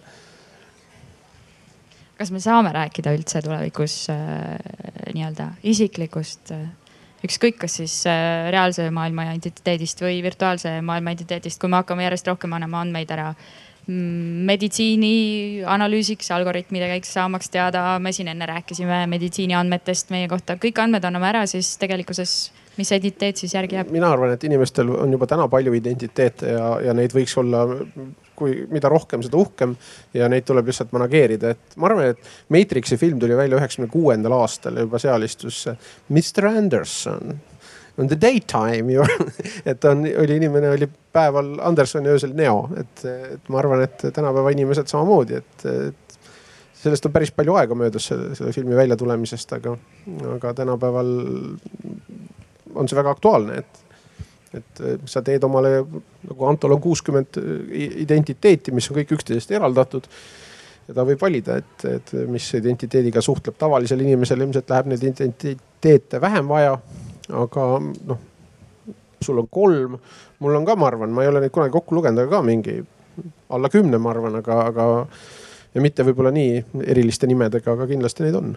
kas sellel omamise, kuuekümne identiteedi või kolme või vahet ei ole, kui palju neid on, rohkem kui üks, kas nende omamisel, mis nendel ohud on, kui ma nüüd tahan ka endale kuutekümmet erinevat? kõigepealt on neil suured eelised. mina tavaliselt koolitunnis ütlen, et tee ikka endale vähemalt kolm identiteeti, ma pean silmas siin noh emaili eelkõige või mingit kontot. et üks on siis see, mille kaudu ja vahendusel sa suhtled oma noh suguvõsaga, noh midagi, mil noh, võib-olla väga lähedaste sõpradega, midagi, mis sul on, mis on sinu osa, millest sa nagu lahti ei saa. Teine on siis need igasugused äraantavad töökaaslased ja juhuslikud tuttavad ja, ja selline asi. ja kolmas on siis see, kus kahtlasi asju tehakse, mööblit ostetakse ja, ja tutvusi sobitatakse ja noh ma olen näinud ka, kui tullakse mingisuguse panga või kaitseministeeriumi identiteediga siis nii-öelda kusagile tutvusportaali ja et, noh see, see nagu väga ei sobi, et, et lihtsalt on mingisugune komplekt asju, mida ei peeta kokku sobivaks. isegi muide mõned huvid on, ma toon tavaliselt näiteks, kujutage endale ette jalgpallurit, kelle hobiks on kohtus kasvatada kakt-, mitte kaktusi, roose näiteks mm. -hmm. eks ole, üks eeldab õrna hinge ja teine eeldab palli tagumist kuni jah et need kaks asja ei sobi kokku, et selles mõttes, kui ta kaasjalgpallurid saavad teada, et ta lilli kasvatab, siis ta on ju neetud pehmo, et, et ja siis ei jää midagi muud. see on omaette küsimus, miks ühiskondlik seda nagu, ühiskond seda probleemiks peab, et keegi lilli kasvatab. Miks, ma usun, et üks põhjendus, miks mul neid identiteete on palju, et, et, et ma olen ka päris mitmel alal natuke üritanud muusikat teha ja, ja natuke mingit elektroonikat tinutanud ja siis midagi lastekasvatusest arvanud ja, ja, ja siis mingil hetkel lihtsalt tullakse ütlema, et kuule, see mingisugune turb ja laste kasvatamine ei sobi kokku või, või, või noh. ja siis sa hoiad neid nagu eri nimede all, et siis tuttavatele mõnikord näitad, kus nad on, aga, aga väga nagu ei, ei liputa oma teiste minadega. Kui sul on erinevad hobid, eks ole, lillekasvatus, muusika, siis rikkal inimesel ongi kohe kuuskümmend täis. ei no jah, rikkal või mitte, aga võtame Vaimsed muusikud, vaata muusikul, noh, meil on siin paar juhtumit see aasta värskelt olnud, eks ole, kes siin sõjaväega seoses, kes, kas teda ahistati enne või pärast sõjaväge. aga ta ehitab ju kogu oma karjääri üles sellele meemile ja kas ta peaks nüüd ainult selle nimega olemegi tuntud, võtame selle von Lõngusse, noh, keegi ei tea, kes ta või mis ta tegelikult on. mina usun küll, et tal on kaks veebiaadressi, üks on von Lõngus või see meiliaadress ja teine on see, kes või kes ta või mis ta siis, ma isegi ei tea, kas ta mees või, või naine või noh. ma arvan, ma arvan, et me peaksime ka. aa, sina tead ei ta tegelikult just nagu just teadaolev ka, aga, aga, aga, aga nii tore on arvata, et me ei tea, kes ja, ta on. aga kunstnikul, kunstnikul on see noh, see täitsa mure, sest noh, kunstnikuna on ta lihtsalt mingi suur nähtus ja eraisikuna noh, võib-olla ta on mu naabrimees, et, et kust, kust, kust mina tean, et ja tulebki hoida eraldi, need on nii erinevate parameetritega asjad. üks asi toob pappi sisse, palju need Lõnguse kallimad maalid on, ma olen kaheksasajaga näinud ühte müügil aga te, üks asi on see, et, et sul on siuksed salajased domeenid, et sa või identiteedid, et sa oled nagu üks inimene, keegi ei tea, et sa oled samal ajal ka teine identiteet. aga siis on olemas äh, lihtsad identiteedid ja minu kõik identiteedid, enamus on siuksed pseudo-salaidentiteedid, näiteks äh, kõik ju teavad või kõik ei tea, tegelikult vist isegi vähesed teavad, et Gmailis on äh, täitsa ükskõik, kuhu kohta sa oma nimes selle punkti paned, et sa võid neid punkte panna Henrik.aavik, et gmail.com või punkt Henrik, noh, ühesõnaga neid punkte võib panna suvaliselt. ja paljudes meiliserverites on see, et sa kirjutad oma nime sinna ja siis paned pluss ja siis kirjutad sinna midagi lõppu, at ja siis domeen. aga kui Jaan Mets kirjutad Zorro tähega, siis ei lähe kohale? Et kirjavigu ei parandata. ja, aga ühesõnaga, mis ma tahan öelda, on see, et, et, et sihukese identiteete mul on nagu meeletus koguses, kus ma erinevates kohtades regamiseks kirjutan äh, mingisuguse moonutuse oma emailist selleks, et hiljem, kui sinna hakkab spämmi tulema, siis ma tean, mida ma välja lülitan. et Gmail annab selleks noh hästi head, head võimalused mm. -hmm et või, või siis on mul noh meelega tehtud, ma loon endale domeene, ehk siis ma petan ära küll, aga ma petan ära roboteid, mitte teisi inimesi, et kui keegi näeb seda emaili, siis ta saab aru, et see tegelikult olen mina, kes on selle kirjutanud ja ilmselt saab ka aru, miks ma nii olen kirjutanud no seal, kus need minu amatöörlikud muusikalood üleval seisavad, seal on ka tegelikult minu pilt juures, et kui sa sinna kunagi jõuad, sa mu nägupidi tunned ära, aga sa lihtsalt ei tea, kuidas. et selle jõuda. pildi saab sealt võtta ja panna Google'i pildi, pildi otsingusse selle all. Google ei võimalda seda. lahendus ülesanne järgmise, järgmiseks arvamusfestivaliks. aga jah, et ütleme, et me oleme selle kaudu jõudnud tegelikult ühe sellise suurema äh, Eesti probleemini. ehk meil on olemas selline rahvuslik uhkus nagu kogu see ID-kaart ja isikukood ja kui me siin tuletame meelde mõne aasta taguseid igasuguseid nii-öelda Delfi Leedo kaasusega seotud äh, arutelusid sellest, et äh, millal inimesed tohivad arvata, siis äh, väga selline üldine levinud seisukoht oli see, et, et ainuke normaalne asi on see, et inimesed logivad sisse ID-kaardiga ja kommenteerivad arvavad oma päris nime alt. et ainult, ainult niimoodi on võimalik meil hoida internetis korda ja minu arust see oli selles mõttes, ma ei tea, ma ütleks nagu äärmiselt sihukene nagu äh, fašistlik äh, lähenemine selles mõttes, et, et kõik peab olema kontrolli all ja, ja kontrollitud. inimeste arvamus, ainuke arvamus on see, mida nad on nõus äh, ütlema kindlasti oma nime all. puudub igasugune põhjus, et tähendab, et mul on mingisugune osa minu identiteedist, mida ma äh, ei sooviks äh, kuvada. ja see, see oli nagu ikka nagu noh, ütleme nagu seadusandja tasemel äh, ja meediaorganisatsioonide tasemel väga sügavalt äh, sees. see oli ka kunagi koht, kus mina lõpetasin raadio tootmise ära, siis ma nägin, et, et äh, ma ei, ma ei suuda enam vaielda rohkem nendega, kes arvavad, et tähendab, et noh, ainuke võimalus ongi nagu selline päris nimega internetis käitumine. minu jaoks on olnud kogu aeg ka see tähendab see pool, et see äh, alternatiivsed identiteedid on äh, okei okay, ja normaalne ja ma haldangi tegelikult seda oma selles, oma, oma mina nii nagu mina soovin. see on täpselt sama asi, mida öeldakse noh nagu noorte arengus äh, äh tänapäeval on sul võib-olla mitu erinevat identiteeti mängudes, äh, erinevate nimedega, erinevate stiilidega, mängid seal erinevaid äh, kolle. varasemal ajal oli rohkem näha seda, et oma identiteedi rõhutamiseks värviti juuksed roheliseks ja aeti veidikene niimoodi rohkem püsti ja oli selline suurema hulga neetidega tagi kui, kui ülejäänutel, et see oli ka tegelikult sihuke nagu mässumeelne ja mingisugune oma selles mõttes identiteedi tekitamine. seal mässumeelsusel on mõte, ega laps ei õpi ühe, ühe laksuga selgeks, kuidas netis korralikult käituda, mitte ja. endast liiga palju rääkida. mina usun küll, et ta peab vähemalt viis identiteeti ära andma ja, ja, ja nii-öelda ära kaotama, tegema seal need oma lollused ära ja saama oma vitsad kätte. ega ausalt öeldes mul on ka juhtunud, ma olen ka pidanud paarist identiteedist loobuma, sest äh, on helistatud sealt, kust vaja ja on öeldud, et kuule, et nüüd läks vist natukene liiale või noh, jah, nii ta on.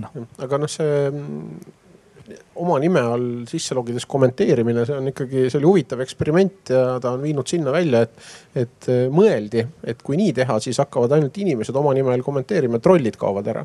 aga tegelikult kadusid ära inimesed, trollid on alles jäänud, sest ega trolli ju ei takista. ehk siis mina ja. ütlen päris selgelt välja need mõned aastad tagasi kõik need lambist loodud leimid ja rääkimine sellest, et anonüümikud ja, ja mingid siiamaani on ju Eesti saitides järel see, et lähed kommentaaridesse, öeldakse null kommentaari, aga anonüümsed kommentaarid on siin siin. ma usun, et see oli üks väga vale samm ja kohtupäev selle kõige üle veel saabub, aga, aga jah aga on ka saabunud see aeg, kus äh, tõesti robotid istuvad, äh, on nad siis Cambridge Analytica omad või kellegi teise omad kirjutavad kommentaare, on saabunud see aeg, kus riigid üksteist ideoloogiliselt kardavad, otsivad üksteise trolle. nii et ega tegelikult see surve ei ole nõrgemaks läinud, kui enne oli see sellise algaja internetikülastaja hirm, et nüüd ma lähen ja nüüd ta laseb mulle kaarega näkku. see on muide tsitaat esimeselt Arvamusfestivalilt, ühe naisterahva oma. ja, ja nüüd me oleme jõudnud nii kaugele, et riigid kardavad, et teise riigi trollid lasevad neile suure kaarega näkku ja, ja üritavadki seda saba taga hoida piirata ja piirata ja, ja tulemus, nagu öeldud, mõistlikud inimesed on kolinud põranda alla, et väga selliseid teravaid, teravate servadega arvamusi enam ei öelda siin. mõnedki kirikutegelased on koristanud oma arvamused netist ära. mina olen õnnelik, et mul oli julgust aastal kaks tuhat kaksteist kirjutada mõned artiklid valmis, praegu me enam ei saaks seda endale lubada, hetkel nad lihtsalt ripuvad seal kusagil, et, et ajad on karmid ehk et siis jah, tähendab, ütleme nagu identiteediga tegelemine on pöördunud kuidagi järsku teistpidiseks. ehk et selle identiteedi küsimuse peale sellel hetkel, kui lahendati mingisuguseid probleeme eh, ei mõeldud eh,, ei mõeldud selle peale, ei tehtud, ütleme niimoodi, sellega seoses eh, põhjalikku riskianalüüsi ei kaardistatud ära, mis hakkab juhtuma siis, kui me langetame otsused eh, nii või naapidi jah, lahinguväli jäeti maha ja kommentaarium jäeti trollidele? no see maailm on nii kiiresti arenenud, et, et tol ajal keegi ei suutnud ette prognoosida, et tekib äh, ker-, isegi võib-olla tõenäoliselt alla keskmise tasustatud IT-töökoht äh, trollifarmi haldur. et, äh, et see tõenäoliselt on noh, ma arvan, et see on lihtsalt üks töö, kus inimene tuleb hommikul tööle, käivitab oma tuhatkond identiteeti mingisuguse haldurprogrammiga ja hakkab siis postitama. ja selles mõttes, et tähendab põhimõtteliselt see oli nagu tegelikult sellel ajal teada, sellel hetkel sattusin mina ka käima pädevate riigi, riigiisade juures seda rääkimas. ma kinkisin neile raamatuid, andsin lugemisviiteid, kuidas on tegelikult sellega muu, muu, mujal maailmas juba üle kümne aasta tegeletud ja selles mõttes ütleme noh, nagu see usk sellesse ühte, ühtsesse identiteeti, ID-kaarti ja sellesse, et selle identiteediga õnnestub äh, midagi parandada. Nende hulgas, kes ise ei olnud kunagi mingisuguseid kommuune hallanud, äh, oli väga suur lihtsalt selles mõttes, et see lihtsalt tähendab noh, nagu puudus absoluutselt iga, igasugune soov äh, selles osas kuulata, et, et, et see on nagu me oleme jõudnud küll sellest identiteedi teemast nüüd nagu algusega seoses väga, väga kaugele ja väga teisele poole, kui see jupp, mida me tegime selle jututoa sihukeses nagu eelsoojenduseks äh, raadios, kus me jõudsime hoopis teistesse punktidesse. aga ma arvan, et see on äkki selles mõttes ka selline noh, nagu teine, teine ja huvitavam ja rahva, rahvalähedasem äh, küsimus kogu sellest identiteedist, sest et kui me võtame sedasama domeenikeskset identiteedivaadet, siis me räägime paljuski asjast, kus me peaksime rääkima mingisugusest isiku, isiklikust brändist, eks ju. Et, et sinu jaoks on identiteet ja selle leitavus oluline sellest hetkest, kui, kui sa turundad iseennast kui sa oled selles mõttes äh, mis iganes tuntud, tuntud, tuntud jooga või tuntud äh, tundmatuks jääda sooviv infoturbespetsialist või kõik seda, kes iganes. siis on see sinu jaoks sinu avalik identiteet, aga meie paljude jaoks on neid identiteet, identiteete äh, erinevaid, me mängimegi niimoodi. me ei ole üldse jõudnud kaugemale, me oleme täiesti selles teemas sees. kas keegi on kuulnud sellest hiinlaste social credit'i süsteemist? kusagil on mingid andmebaasid, igale inimesele omistatakse skoor kui sa räägid kusagil foorumis riigivastast juttu, siis sinu seitsmesajast punktist tõmmatakse kohe viiskümmend maha. teist korda räägid, tõmmatakse kolmsada maha kui sa räägid äh, õiget juttu, peajoont kordad järgi, siis hakkad vaikselt plusse juurde saama. kui sa interneti kaubamajast ausalt ostad õigeid asju, siipupükse ja midagi veel, siis saad punkte juurde. kui sa ostad raadioluure riistu või mingit Androidi häkkimise riistu, siis saad punkte maha. ja lõpuks, kui sa lähed takso järjekorda, tahad abielluda või, või järelmaksuga midagi osta, siis sulle öeldakse, aga sorry, sa oled nii riigi ja sotsiaal, ühiskonnavastane, et, et jah. ja see hakkab ju kohustuslikus korras, kas oli vist aasta aastast kakskümmend, kakskümmend. ja, ja nüüd on küsimus, et eh, selle haldamiseks on ju vaja organisatsiooni, ega siis erafirma ei halda, nii et ma arvan, et võib-olla Eesti Interneti Sihtasutuse replika seal India sorry, Hiinas hakkabki haldama siis seda sotsiaalse, ega, ega teil ei ole tõmmet veel, te ei taha sotsiaalset krediiti hallata? riiklikku tellimust teil ei ole, et hakata ka identiteeti juures nagu. huvitav, kas ma Hiinas, kas ma Hiinas saan endale ka kaks identiteeti teha, et ma ühele kogun nagu ühtesid punkte, teisele. ei, ma arvan, neil on samasugune ühe tipuga süsteem nagu meil, et, et ei, ei saa. kas ta läheb sama katki kui meie oma? ja, ja meie oma on päris elus, ma ütleks. politsei poole pealt just äh, kuulutati välja ühe ühtse biomeetrilise informatsiooni haldamise äh, süsteemi hange vist mingisugunegi äh, nädalakene või niimoodi tagasi ja rääkides mõningate inimestega, kes on varem tegelenud erinevate äh, kodamigra poole peal äh, sõrmejäljebaasidega. Ehk et siis nagu teada, siiamaani on olemas sõrmejäljed, mida on kogutud selleks, et hoida neid no sisuliselt passi, pa, passi, passi selle kiibi peal. ehk siis on võimalik piiri peal koos passiga kontrollida, et kas selle inimese sõrmejälg on see, mis on sinna passi registreeritud põhjendades sellega, et neid andmeid mitte kunagi ei hakata ristkasutama kusagil eh, mujal. siis nüüd on ristkasutus välja käidud. ja nüüd, kui me näeme, et luuakse jär ühtset süsteemi, mis võimaldab kõikidel ametkondadel informatsioonile ligi pääseda, siis äh, mõned inimesed ütlevad selle kohta, et oot-oot-oot-oot, see on täpselt see mida öeldi, et selle informatsiooniga tegema ei hakata? selle asja teaduslik nimetus on function creep Function creep on siis esialgse välja lubatud funktsionaalsuse laiali hajumine või, või nii-öelda hiiliv, uue funktsionaalsuse hiiliv sissetulemine. meil on Eestis üks juhus juba olemas. milleks kiiruskaamerad? no selleks, et kiirust mõõta, aga nüüd lubati ju veel teha neid pilte, et kas sul ikka on iPhone käes sel hetkel, kui kiirust mõõdetakse. kõige puhtam function creep, sellest peaks äkki kirjutama. ja omaette, omaette küsimus on selles, et kas äh, sealt jookseb autonumbrite äh, see on, kuulub, kuulub nüüd väga vaba, vabandan paranoia teooriate levitamise eest. aga äh, mitmetes äh, ringkondades äh, küsitakse, et kas tegelikult samadest nendest maanteekaameratest jookseb pidevalt autonumbrite tuvastamise feed ka kuhugi välja või mitte aus vastus on, et linna peal on mitmeid kaameraid ja mõnesugune feed jookseb. sellega on, on olnud probleeme, tähendab linnades, kus pannakse need kaamerad üles mitmes riigis alguses ei suudeta sirgeks vaielda, missugune ametkond need andmeid saab. siis ei suudeta sirgeks vaielda, kas seal privaatseid andmeid on või ei ole. aga tehniliselt loomulikult on võimalik, kui sina sõidad autoga Paide suunas, siis kõigi potentsiaalsete armukestega saab ju nagu koordinaate ristkontrollida, et võib-olla kui sa abielu rikud, siis peaks sa naisele emaili saatma Eesti, teenus võiks Eesti e-aadress, jah, teenusena, et, et selles mõttes tehniline võimalus on siin tohutu, et, et see on nüüd jah ühiskonna küsimus, et kaugele selle function creep'iga minnakse identiteedi. ja kuidas me tegelikult äh, sellega seoses mõtestame seaduseid, minu jaoks on üks selle aasta äh, huvitavamaid avastusi on see, et näiteks, et äh, seadus on, on ära reguleeritud. ehk et äh, kui äh, uurija tahaks saada teada et kes on postitanud äh, mingisuguse Delfisse mingi kommentaari või, või milline äh, isik on seotud mingisugusel hetkel äh, IP aadressiga. siis sellist päringut võib äh, telefoniteenuse pakkujale teha uurija ehk siis mingisugune krip, kripost äh, vastav ametnik äh,. kui oleks vaja saada kätte informatsioon selle kohta, kes on äh, millal helistanud kuhugi ehk et selles mõttes kõnega seotud metaandmed, kes on omavahel suhelnud siis selleks mäletamist mööda on vastavalt kriminaalmenetluse seadustikule vaja äh, prokuröri luba.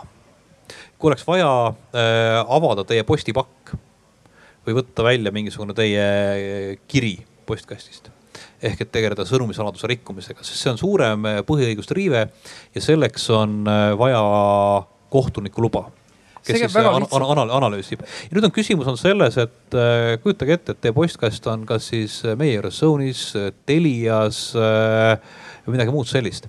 et millist info, millist luba on äh, vaja selleks, et saada see postkastis olev informatsioon kätte, kas politsei uurija võib seda lihtsalt küsida ja öelda, et me peame andma, kas selleks on vaja prokuröri luba või selleks on vaja kohtuniku viisat postkasti sisu kätte saada. siin on kaks paragrahvi, esimene on siis äh, nii-öelda privaatsus, noh perekonnaõigus äh,.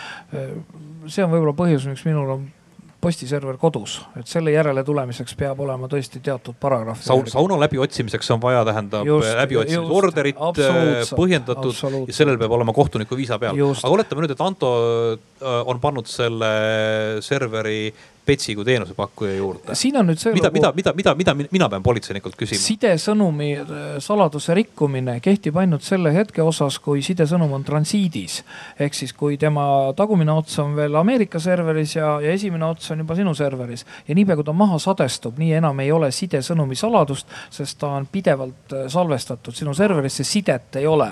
ja vähemalt Eestis võimuorganid on seda tõlgendust aastaid juba kasutanud. jah, Eesti, Eesti, Eestis ongi tegelikult see, et kui te teie, teie informatsioon on Eestis asuvas serveris, siis äh, pädevatel võimuorganitel ei ole vaja selle informatsiooni kättesaamiseks äh, põhiseaduses ette nähtud äh, äh, nii-öelda selliseid turvakinnitusi ehk siis äh, kõrgemate astmetega äh, kooskõlastust. sest on olemas üks riigikohtu lahend, milles on olemas üks lõik, mis viitab sellele, et just nagu võiks olla ja siin ühes teises jututoas oli juhuslikult äh, Elmar Vaher ja nad ütlesidki, et aga politsei teeb õiget asja. miks te tahate meie tööd keerulisemaks teha? politsei teebki õiget asja ja Elmar Vaher ei olnud jututoas mitte juhuslikult, vaid täiesti sihipäraselt, see on ka tema ülesanne, tema vaadet levitada. aga mina näiteks olin lühipäringute väga suur pooldaja selle hetkeni, kuni ma ise matsu sisse sain. ja lühipäring on siis, see ei ole jälitustegevus, see on lihtsustatud meetod ja kui tõesti on vaja päti IP aadress kindlaks teha, no siis ta tehakse kindlaks ja ühel hetkel ma avastasin, et minu IP aadress on ka kindlaks tehtud, sellepärast et ma kirjutasin ühe Delfi kommentaari, kus ma ütleme niimoodi viisakate sõnadega, kuid kommenteerisin politsei ühe allüksuse tegevust ja selle peale võeti juhusliku kriminaalasja number ja tehti mulle see lühipäring ära. ärge küsige, kust ma teada sain, et mulle see tehti. ja siis ma läksin tigedaks, käisin kuni õiguskantslerini välja, õigust ei saanud. ja, ja kõigile lisaks seal kõik oli veel seitsekümmend viis aastat salastatud ka ja ma ei tea siiamaani, mis kriminaalasja see number oli et see oli väga selline piinlik olukord ja pärast seda mina enam lihtpäringu fänn ei ole. vahe on selles, et kui sinu osas on tehtud jälitustegevust, siis sa lähed pärast ja ütled, näidake mulle ja siis, kui on menetlus läbi N aastat hiljem, siis nad peavad sulle näitama. aga lihtpäringute osas ei ole mitte mingitki statistikat, sa ei saa kunagi küsida, kas minu osas on tehtud. sul ei ole seda võimalustki, selline protseduur puudub ja aga, aga see vist ei laiene siis Gmailile ja sinu saunas olevale serverile, eks ole, et kaks. see saunas olev, saunas olev server on jah, et, aga küsimus on selles, kui, kui see, kui kui see on sinu, kuna, kui see on sinu saun, see on sinu kodu kodu on põhiseaduse lähtuvalt puutuv, puutumatu ja selle läbiotsimiseks ja sealt serveri äravõtmiseks on vaja. peab ikkagi olema on midagi. vaja, on vaja läbiotsimis. ikka tegu peab olema just. kui su server on minu kodus ja ma olen teenusepakkuja siis äh, põhimõtteliselt võib politseinik tulla ja öelda, et äh, andke mulle see Anto server, et Anto server käsitletakse lihtsalt dokumendina, see on üks menetluses vajalik dokument ja Teos, teostatakse võetus. jah, jah dok, edastage dokument selles mõttes. Gmaili, Gmailis ei saa teha ju lühipäringuid aga Gmaili, vot see, see, siit tekibki selles mõttes, et on huvitav asi on see, et, et äh, Eesti ettevõttena, kes äh, pakub teenust, et äh, meie juures võiks hoida oma informatsiooni. peame kahetsusväärselt ütlema, tähendab, et Gmail on jah turvalisem, see on parem koht hoida, hoida informatsiooni Ma..., sest et see on teises õigusruumis ja põhimõtteliselt isegi tõenäoliselt oleks asi juba parem hoides Euroopas, sest et hetkel on käimas Euroopa nii-öelda digitaalsete tõendusmaterjalide mis iganes direktiivi määruse menetlemine. Ja kus on väga korrektselt täpselt kirjas, äh, nii nagu ma eelnevalt äh, kirjeldasin, et on loomulik selline põhiseadusest tulenev erinevate õiguste küsimine, äh, mida võib küsida uurija, mida võib kus on vaja proksi luba, kus on vaja kohtuniku luba. Euroopas ja mujal see kehtib. Eesti on selles mõttes, on selles mõttes, me oleme väga tubli digitaalne riik. me räägime, et me oleme äärmiselt turvaline äh,. aga meil on kombeks vaadata mööda põhiseadusest. ma tooksin siiski nagu ole... vastupidise näite ka, ütleme Gmaili puhul on, on jah näha, et sa saad hoida paremini, kui seal on, see on turvalisem, aga toon teise näite. Teil on lapsed ja laps ronis internetti, sai kommionuga tuttavaks, eks ole. ja on kahtlus, aga ei ole kriminaalkuritegu ja Eesti politsei ei saa kätte ei Facebookist, ei Gmailist ega midagi. kas nüüd on see koht, kus tahaks öelda, et rikume pealegi põhiseadust? ja omavahel öeldes sel hetkel, kui teatud teenusepakkujad asusid Eestis, oli ikkagi suhteliselt lihtsam. et isegi kui võib-olla ametlik protseduur natukene lonkas, siis oli võimalik helistada ja küsida, et kuule, et no aga vaat see konto, on ta siis kommionu või käib ta mitmele tütarlapsele ligi või kuidas temaga on. ja siis, kui see vastus tuli ära, et on jah kommionu või vähemalt tundub niimoodi, siis sai ametliku protseduuri käima lasta. praegu, eh, kui ütleme niimoodi, alakad käivad Faceris suhtlemas, raskem ma küsiks nüüd selle peale seda, et ei, ta ei jõudnud kusjuures kaugele, minu meelest. mul on siinkohal see küsimus, et seesama, loomulikult me räägime politseist ja jälitustegevust ja kõigest sellest, kuidas püütakse kurjategijat, see on nagu üks viis, mis, mis võimalused on neil ja kuidas leitakse päris inimesi. aga samas, kui sa võtad seda, mis sa just ütlesid, siis kuidas suhestub siia teie varasem jõud, jõudmine selleni, et omada kuutekümmend identiteeti, millest võib-olla viiskümmend üheksa on kommionu omad, kuidas see sinna suhestub? no mul kommionu onu omi ei ole, aga nad kõik lahenduvad mulle XYZ domeeni, et see laisk inimene, kes viitsib vaadata, kuhu nad välja jõuavad, see jõuab minuni. ma olen alati hoidnud seda kihti, et kohe esimese vaatega on näha, et tegelikult on see Anto. kas inimene oskab, sina tead, aga enamik ei tea, kuidas enamik selleni jõuda? no tegelikult ikkagi teha endale üks täiendav domeen Facebooki, seda oskab iga inimene. ja põhjus on ju lihtne, et kui sa, sul on sinu põhi konto Facebookis ja sa aktiivselt seda kasutad, siis Facebook kureerib sinu seda sisu. ta on, sind, sina oled teistele teada, sisu on sulle teada ja sa noh, selle, selle kontoga sa midagi huvitavat lugeda Facebookist ei saa ainult oma kõlakojas. aga kui ma nüüd tahaksin, et MMS-i juua, kuulata, mis rahvuslased arvavad, no need eriti hullud et siis ma pean tegema endale teise domeeni, minema nende gruppidesse sellega ja, ja siis seal natuke kaasa kiitma. toon veel ühe näite, läksin säärasesse domeeni nagu Pinterest, seal on igasuguseid põnevaid pilte, põhiliselt pildid. mulle meeldib seal igasugu aparaate vaadata. Ja, ja siis ma hakkasin seal radarite pilte vaatama. Ja siis ma lõpuks jõudsin selleni, et esimesed radarid tulid mitte niivõrd Inglismaalt kui hoopis Saksamaalt. igasuguste Saksa sõjaväeradarite omad. Ja mingi hetk hakati mulle mingisugust Hitlerjugendit ja mingisuguseid vuntsidega vanamehi ette lükkama, noh kelle suhtes ma olen täiesti neutraalne, mul ei ole noh käigu jala selles mõttes, nad ei huvita mind. Ja Pinterest tegigi järelduse, et kui ma vahin Saksa radareid, eks ole, et mul noh, ühesõnaga ta, ta lükkas mulle Hitleri juugendit, no ma ei taha seda järeldust, ma nüüd üritan vältida seal Pinterestis neid Saksa radareid, sest noh, mine tea, mis nad must muidu arvavad. Tehnoloogia omistab meile eh, mingisuguse identiteedi, mis talle tundub mingisuguse meie käitumise järgi, et see peaks olema, olema mina. et äh, jah, selles mõttes, et ma pean tunnistama, et ega samal põhjusel mina, kui ma midagi äh, netis ringi liikudes äh, väljaspool äh, Gmaili ja Facebooki, siis ma harilikult kasutan äh, incognito, incognito sakki ehk et äh, ei oleks teada ja tegelikult mul jookseb minu arvuti sees teine virtuaalarvuti, mida ma kasutan siis, kui mul on mingisugunegi noh, vähegi kahtlane koht, mida ma külastan. kusagilt tuli, keegi saatis mulle Skype'is mingisuguse lingi. ma kasutan täiesti eraldi identiteeti, ma kasutan, ma kasutan äh, virtuaalmasinat ja ma ühendan ennast üle telefonivõrku miks üle telefoni, üle mobiiltelefoni? sellepärast, et üle mobiiltelefoni antakse mulle igaks ühenduseks tõenäoliselt uus äh, IP aadress.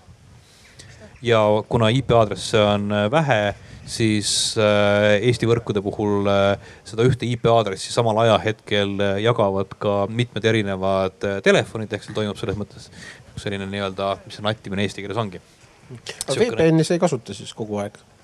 ei ma VPN selles mõttes, mul on VPN-idega veel omaette küsimus. VPN on tänapäeval aga, aga, aga ütleme selleks, et puhtalt tähendab mitte jälgi maha jätta, siis see, et ma olen äh, Eesti mingisugust X mobiilvõrgust, mis iganes hetkel tähendab, noh nagu ma ma ja teise poole peal, kuna keegi seal, sealt tuvastamiseks vajalikku porti ei logi, siis äh, piisavalt selles mõttes no.. ma tooks positiivse näite, näite ka jälle nuhkimisega seoses, kui ma oma esimese nutifööni ostsin ma isegi ei suutnud telefonikõnet vastu võtta, mingi ikoon tuli, ma vajutan, midagi ei juhtu, siis üks laps näitas mulle, et seda tuleb pöidlaga kõrvale vedada, et siis, siis saab. ja siis ma viisin, me läksime sel õhtul just ühe lapse sünnipäevale täiskasvanutega, istusime eraldi toas ja siis lapsed nuiavad, et anna nüüd oma see tutikas telefon, see oli tegelikult see Siim Samsung S2, aga sellest on juba palju-palju aastaid. Ja noh, ma siis näitasin, konfisin ta ära, et kustkohast neid programme saab, ütlesin, ärge mulle väga palju neid mänge tõmmake. Ja õhtu läbi nad lõbutsesid. teate, kui hea elu mul pärast oli, ma ei saanud ühtegi täiskasvanute reklaami, mulle tulid kõik siuksed sinisilmsed, siuksed karukestega reklaamid ja kõik oli väga tore, et ma täitsa soovitan seda meetodit. See on äh, jah, identiteediga selles mõttes äh, saab teha erinevaid asju, ma tean, et kunagi vist oli mul oli ka äh, Facebooki identiteet, identiteet oli pikka aega oli, mul oli nimi oli kirjutatud tagurpidi ja vanus oli ka mingisugune väga imelik aasta, et noh, mis sa registreerides paned ikka tuhat üheksasada esimene jaanuar, eks nähtavasti midagi sihukest.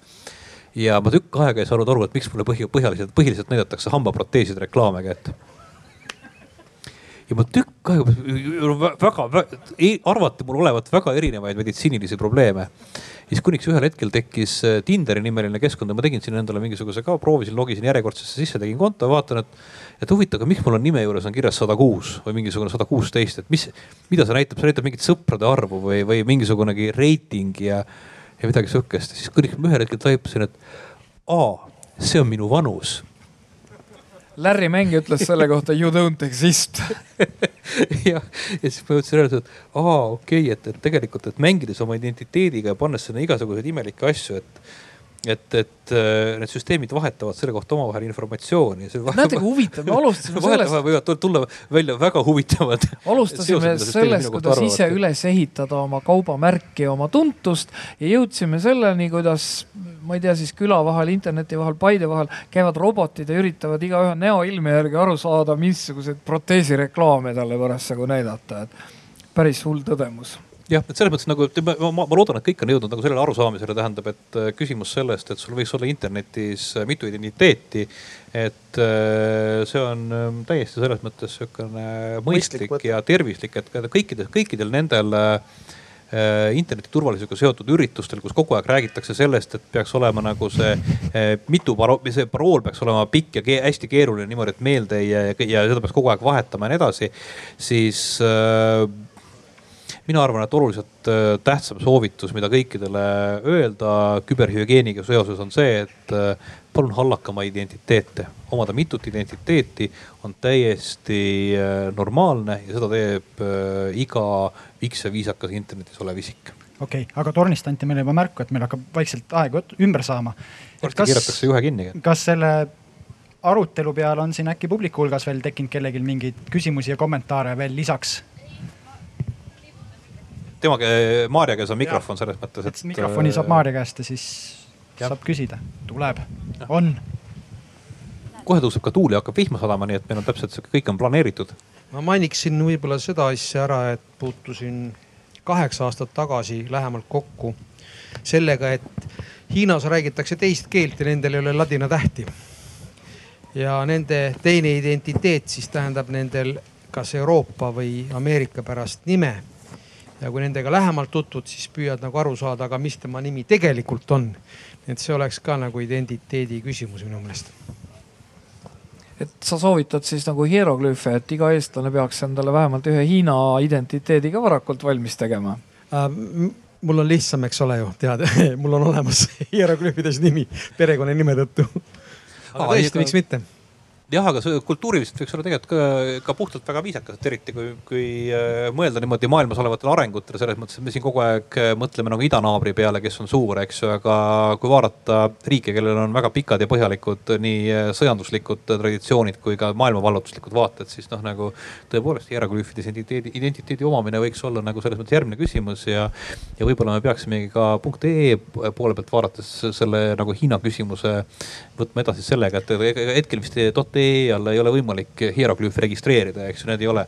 aga, aga võib-olla peaks lubama, võib-olla see võiks olla täpselt see innovatsioon, mis tuleks, tähendab äh, tänasest üritusest välja on see, et, et teha nõukogu, nõukogule ettepanek, et võiks olla võimalik äh, mis iganes äh, tähtiks. infra peaks olemas olema täpitähtede tõttu. põhimõtteliselt, põhimõtteliselt see on võimalik, see on puhtalt lihtsalt tehniliselt loodud piirang, et on võimalik kasutada ainult siis noh, nii-öelda eesti keeles kasutatavaid äh, tähti, eks ju. Kaido Höövelson jalutas ennem ringi seal, tema käest võib küsida, et mis ta arvab, et ja, temal võiks ja, ikka olla vähemalt e-domeeniga. päris selles mõttes tähendab, et otsapidi tähendab, et, et me saaksime, kuna siin räägitakse kõik, eks ju, kõik see Nordica, kuidas siin ka seosed Hiina turuga ja Tallinna Sadamad, kõik konteinerid Hiinaga, et, et, et võib-olla täpselt selline järgmine Eesti innovatsioon võikski olla selles mõttes siis äh, hieroglüüfide toetamine. et see oleks nagu rohkem, et, et lõpetada üritust äh, positiivse noodiga, et, et. aga väga tore, et äh, saime teada, et äh, erinevad identiteedid on head.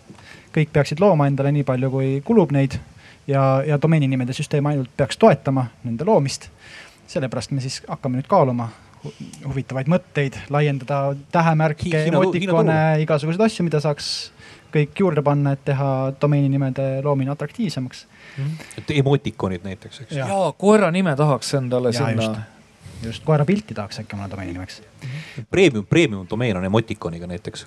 jah, aga, aga väga tore, et kui kellelgi nüüd on veel huvi sarnastel teemadel edasi rääkida, siis Interneti Sihtasutus korraldab iga kevade internetipäeva, kus saab alati osa võtta.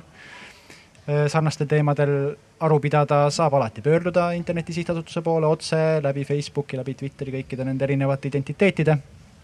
teha oma avaldusi, pöördumisi, protesti.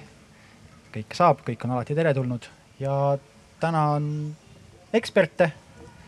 tänan publikut, loodame, et oli huvitav. Teil ka ja kui kellelgi on midagi küsida, siis me oleme veel siin. jah, et me kohe, kohe ära ei torma, aga. ja kui siin eelnevalt, kui eelnevalt me oleme siin osalenud ka erinevates äh, muudes aruteluringides seoses digiturvalisuse ja paranoiaga, siis meil, et kui ta sinna ei jõudnud, siis me Antoga suutsime tegelikult need teemad, ma arvan, ka väga hästi siin identiteedi all äh, ära katta. ehk me tegime põhimõtteliselt tegelikult, et see oli ka nagu kokkuvõte enam-vähem päeva sellest digitöötoast, digi, digi, digiarvamusalast ühtlasi ka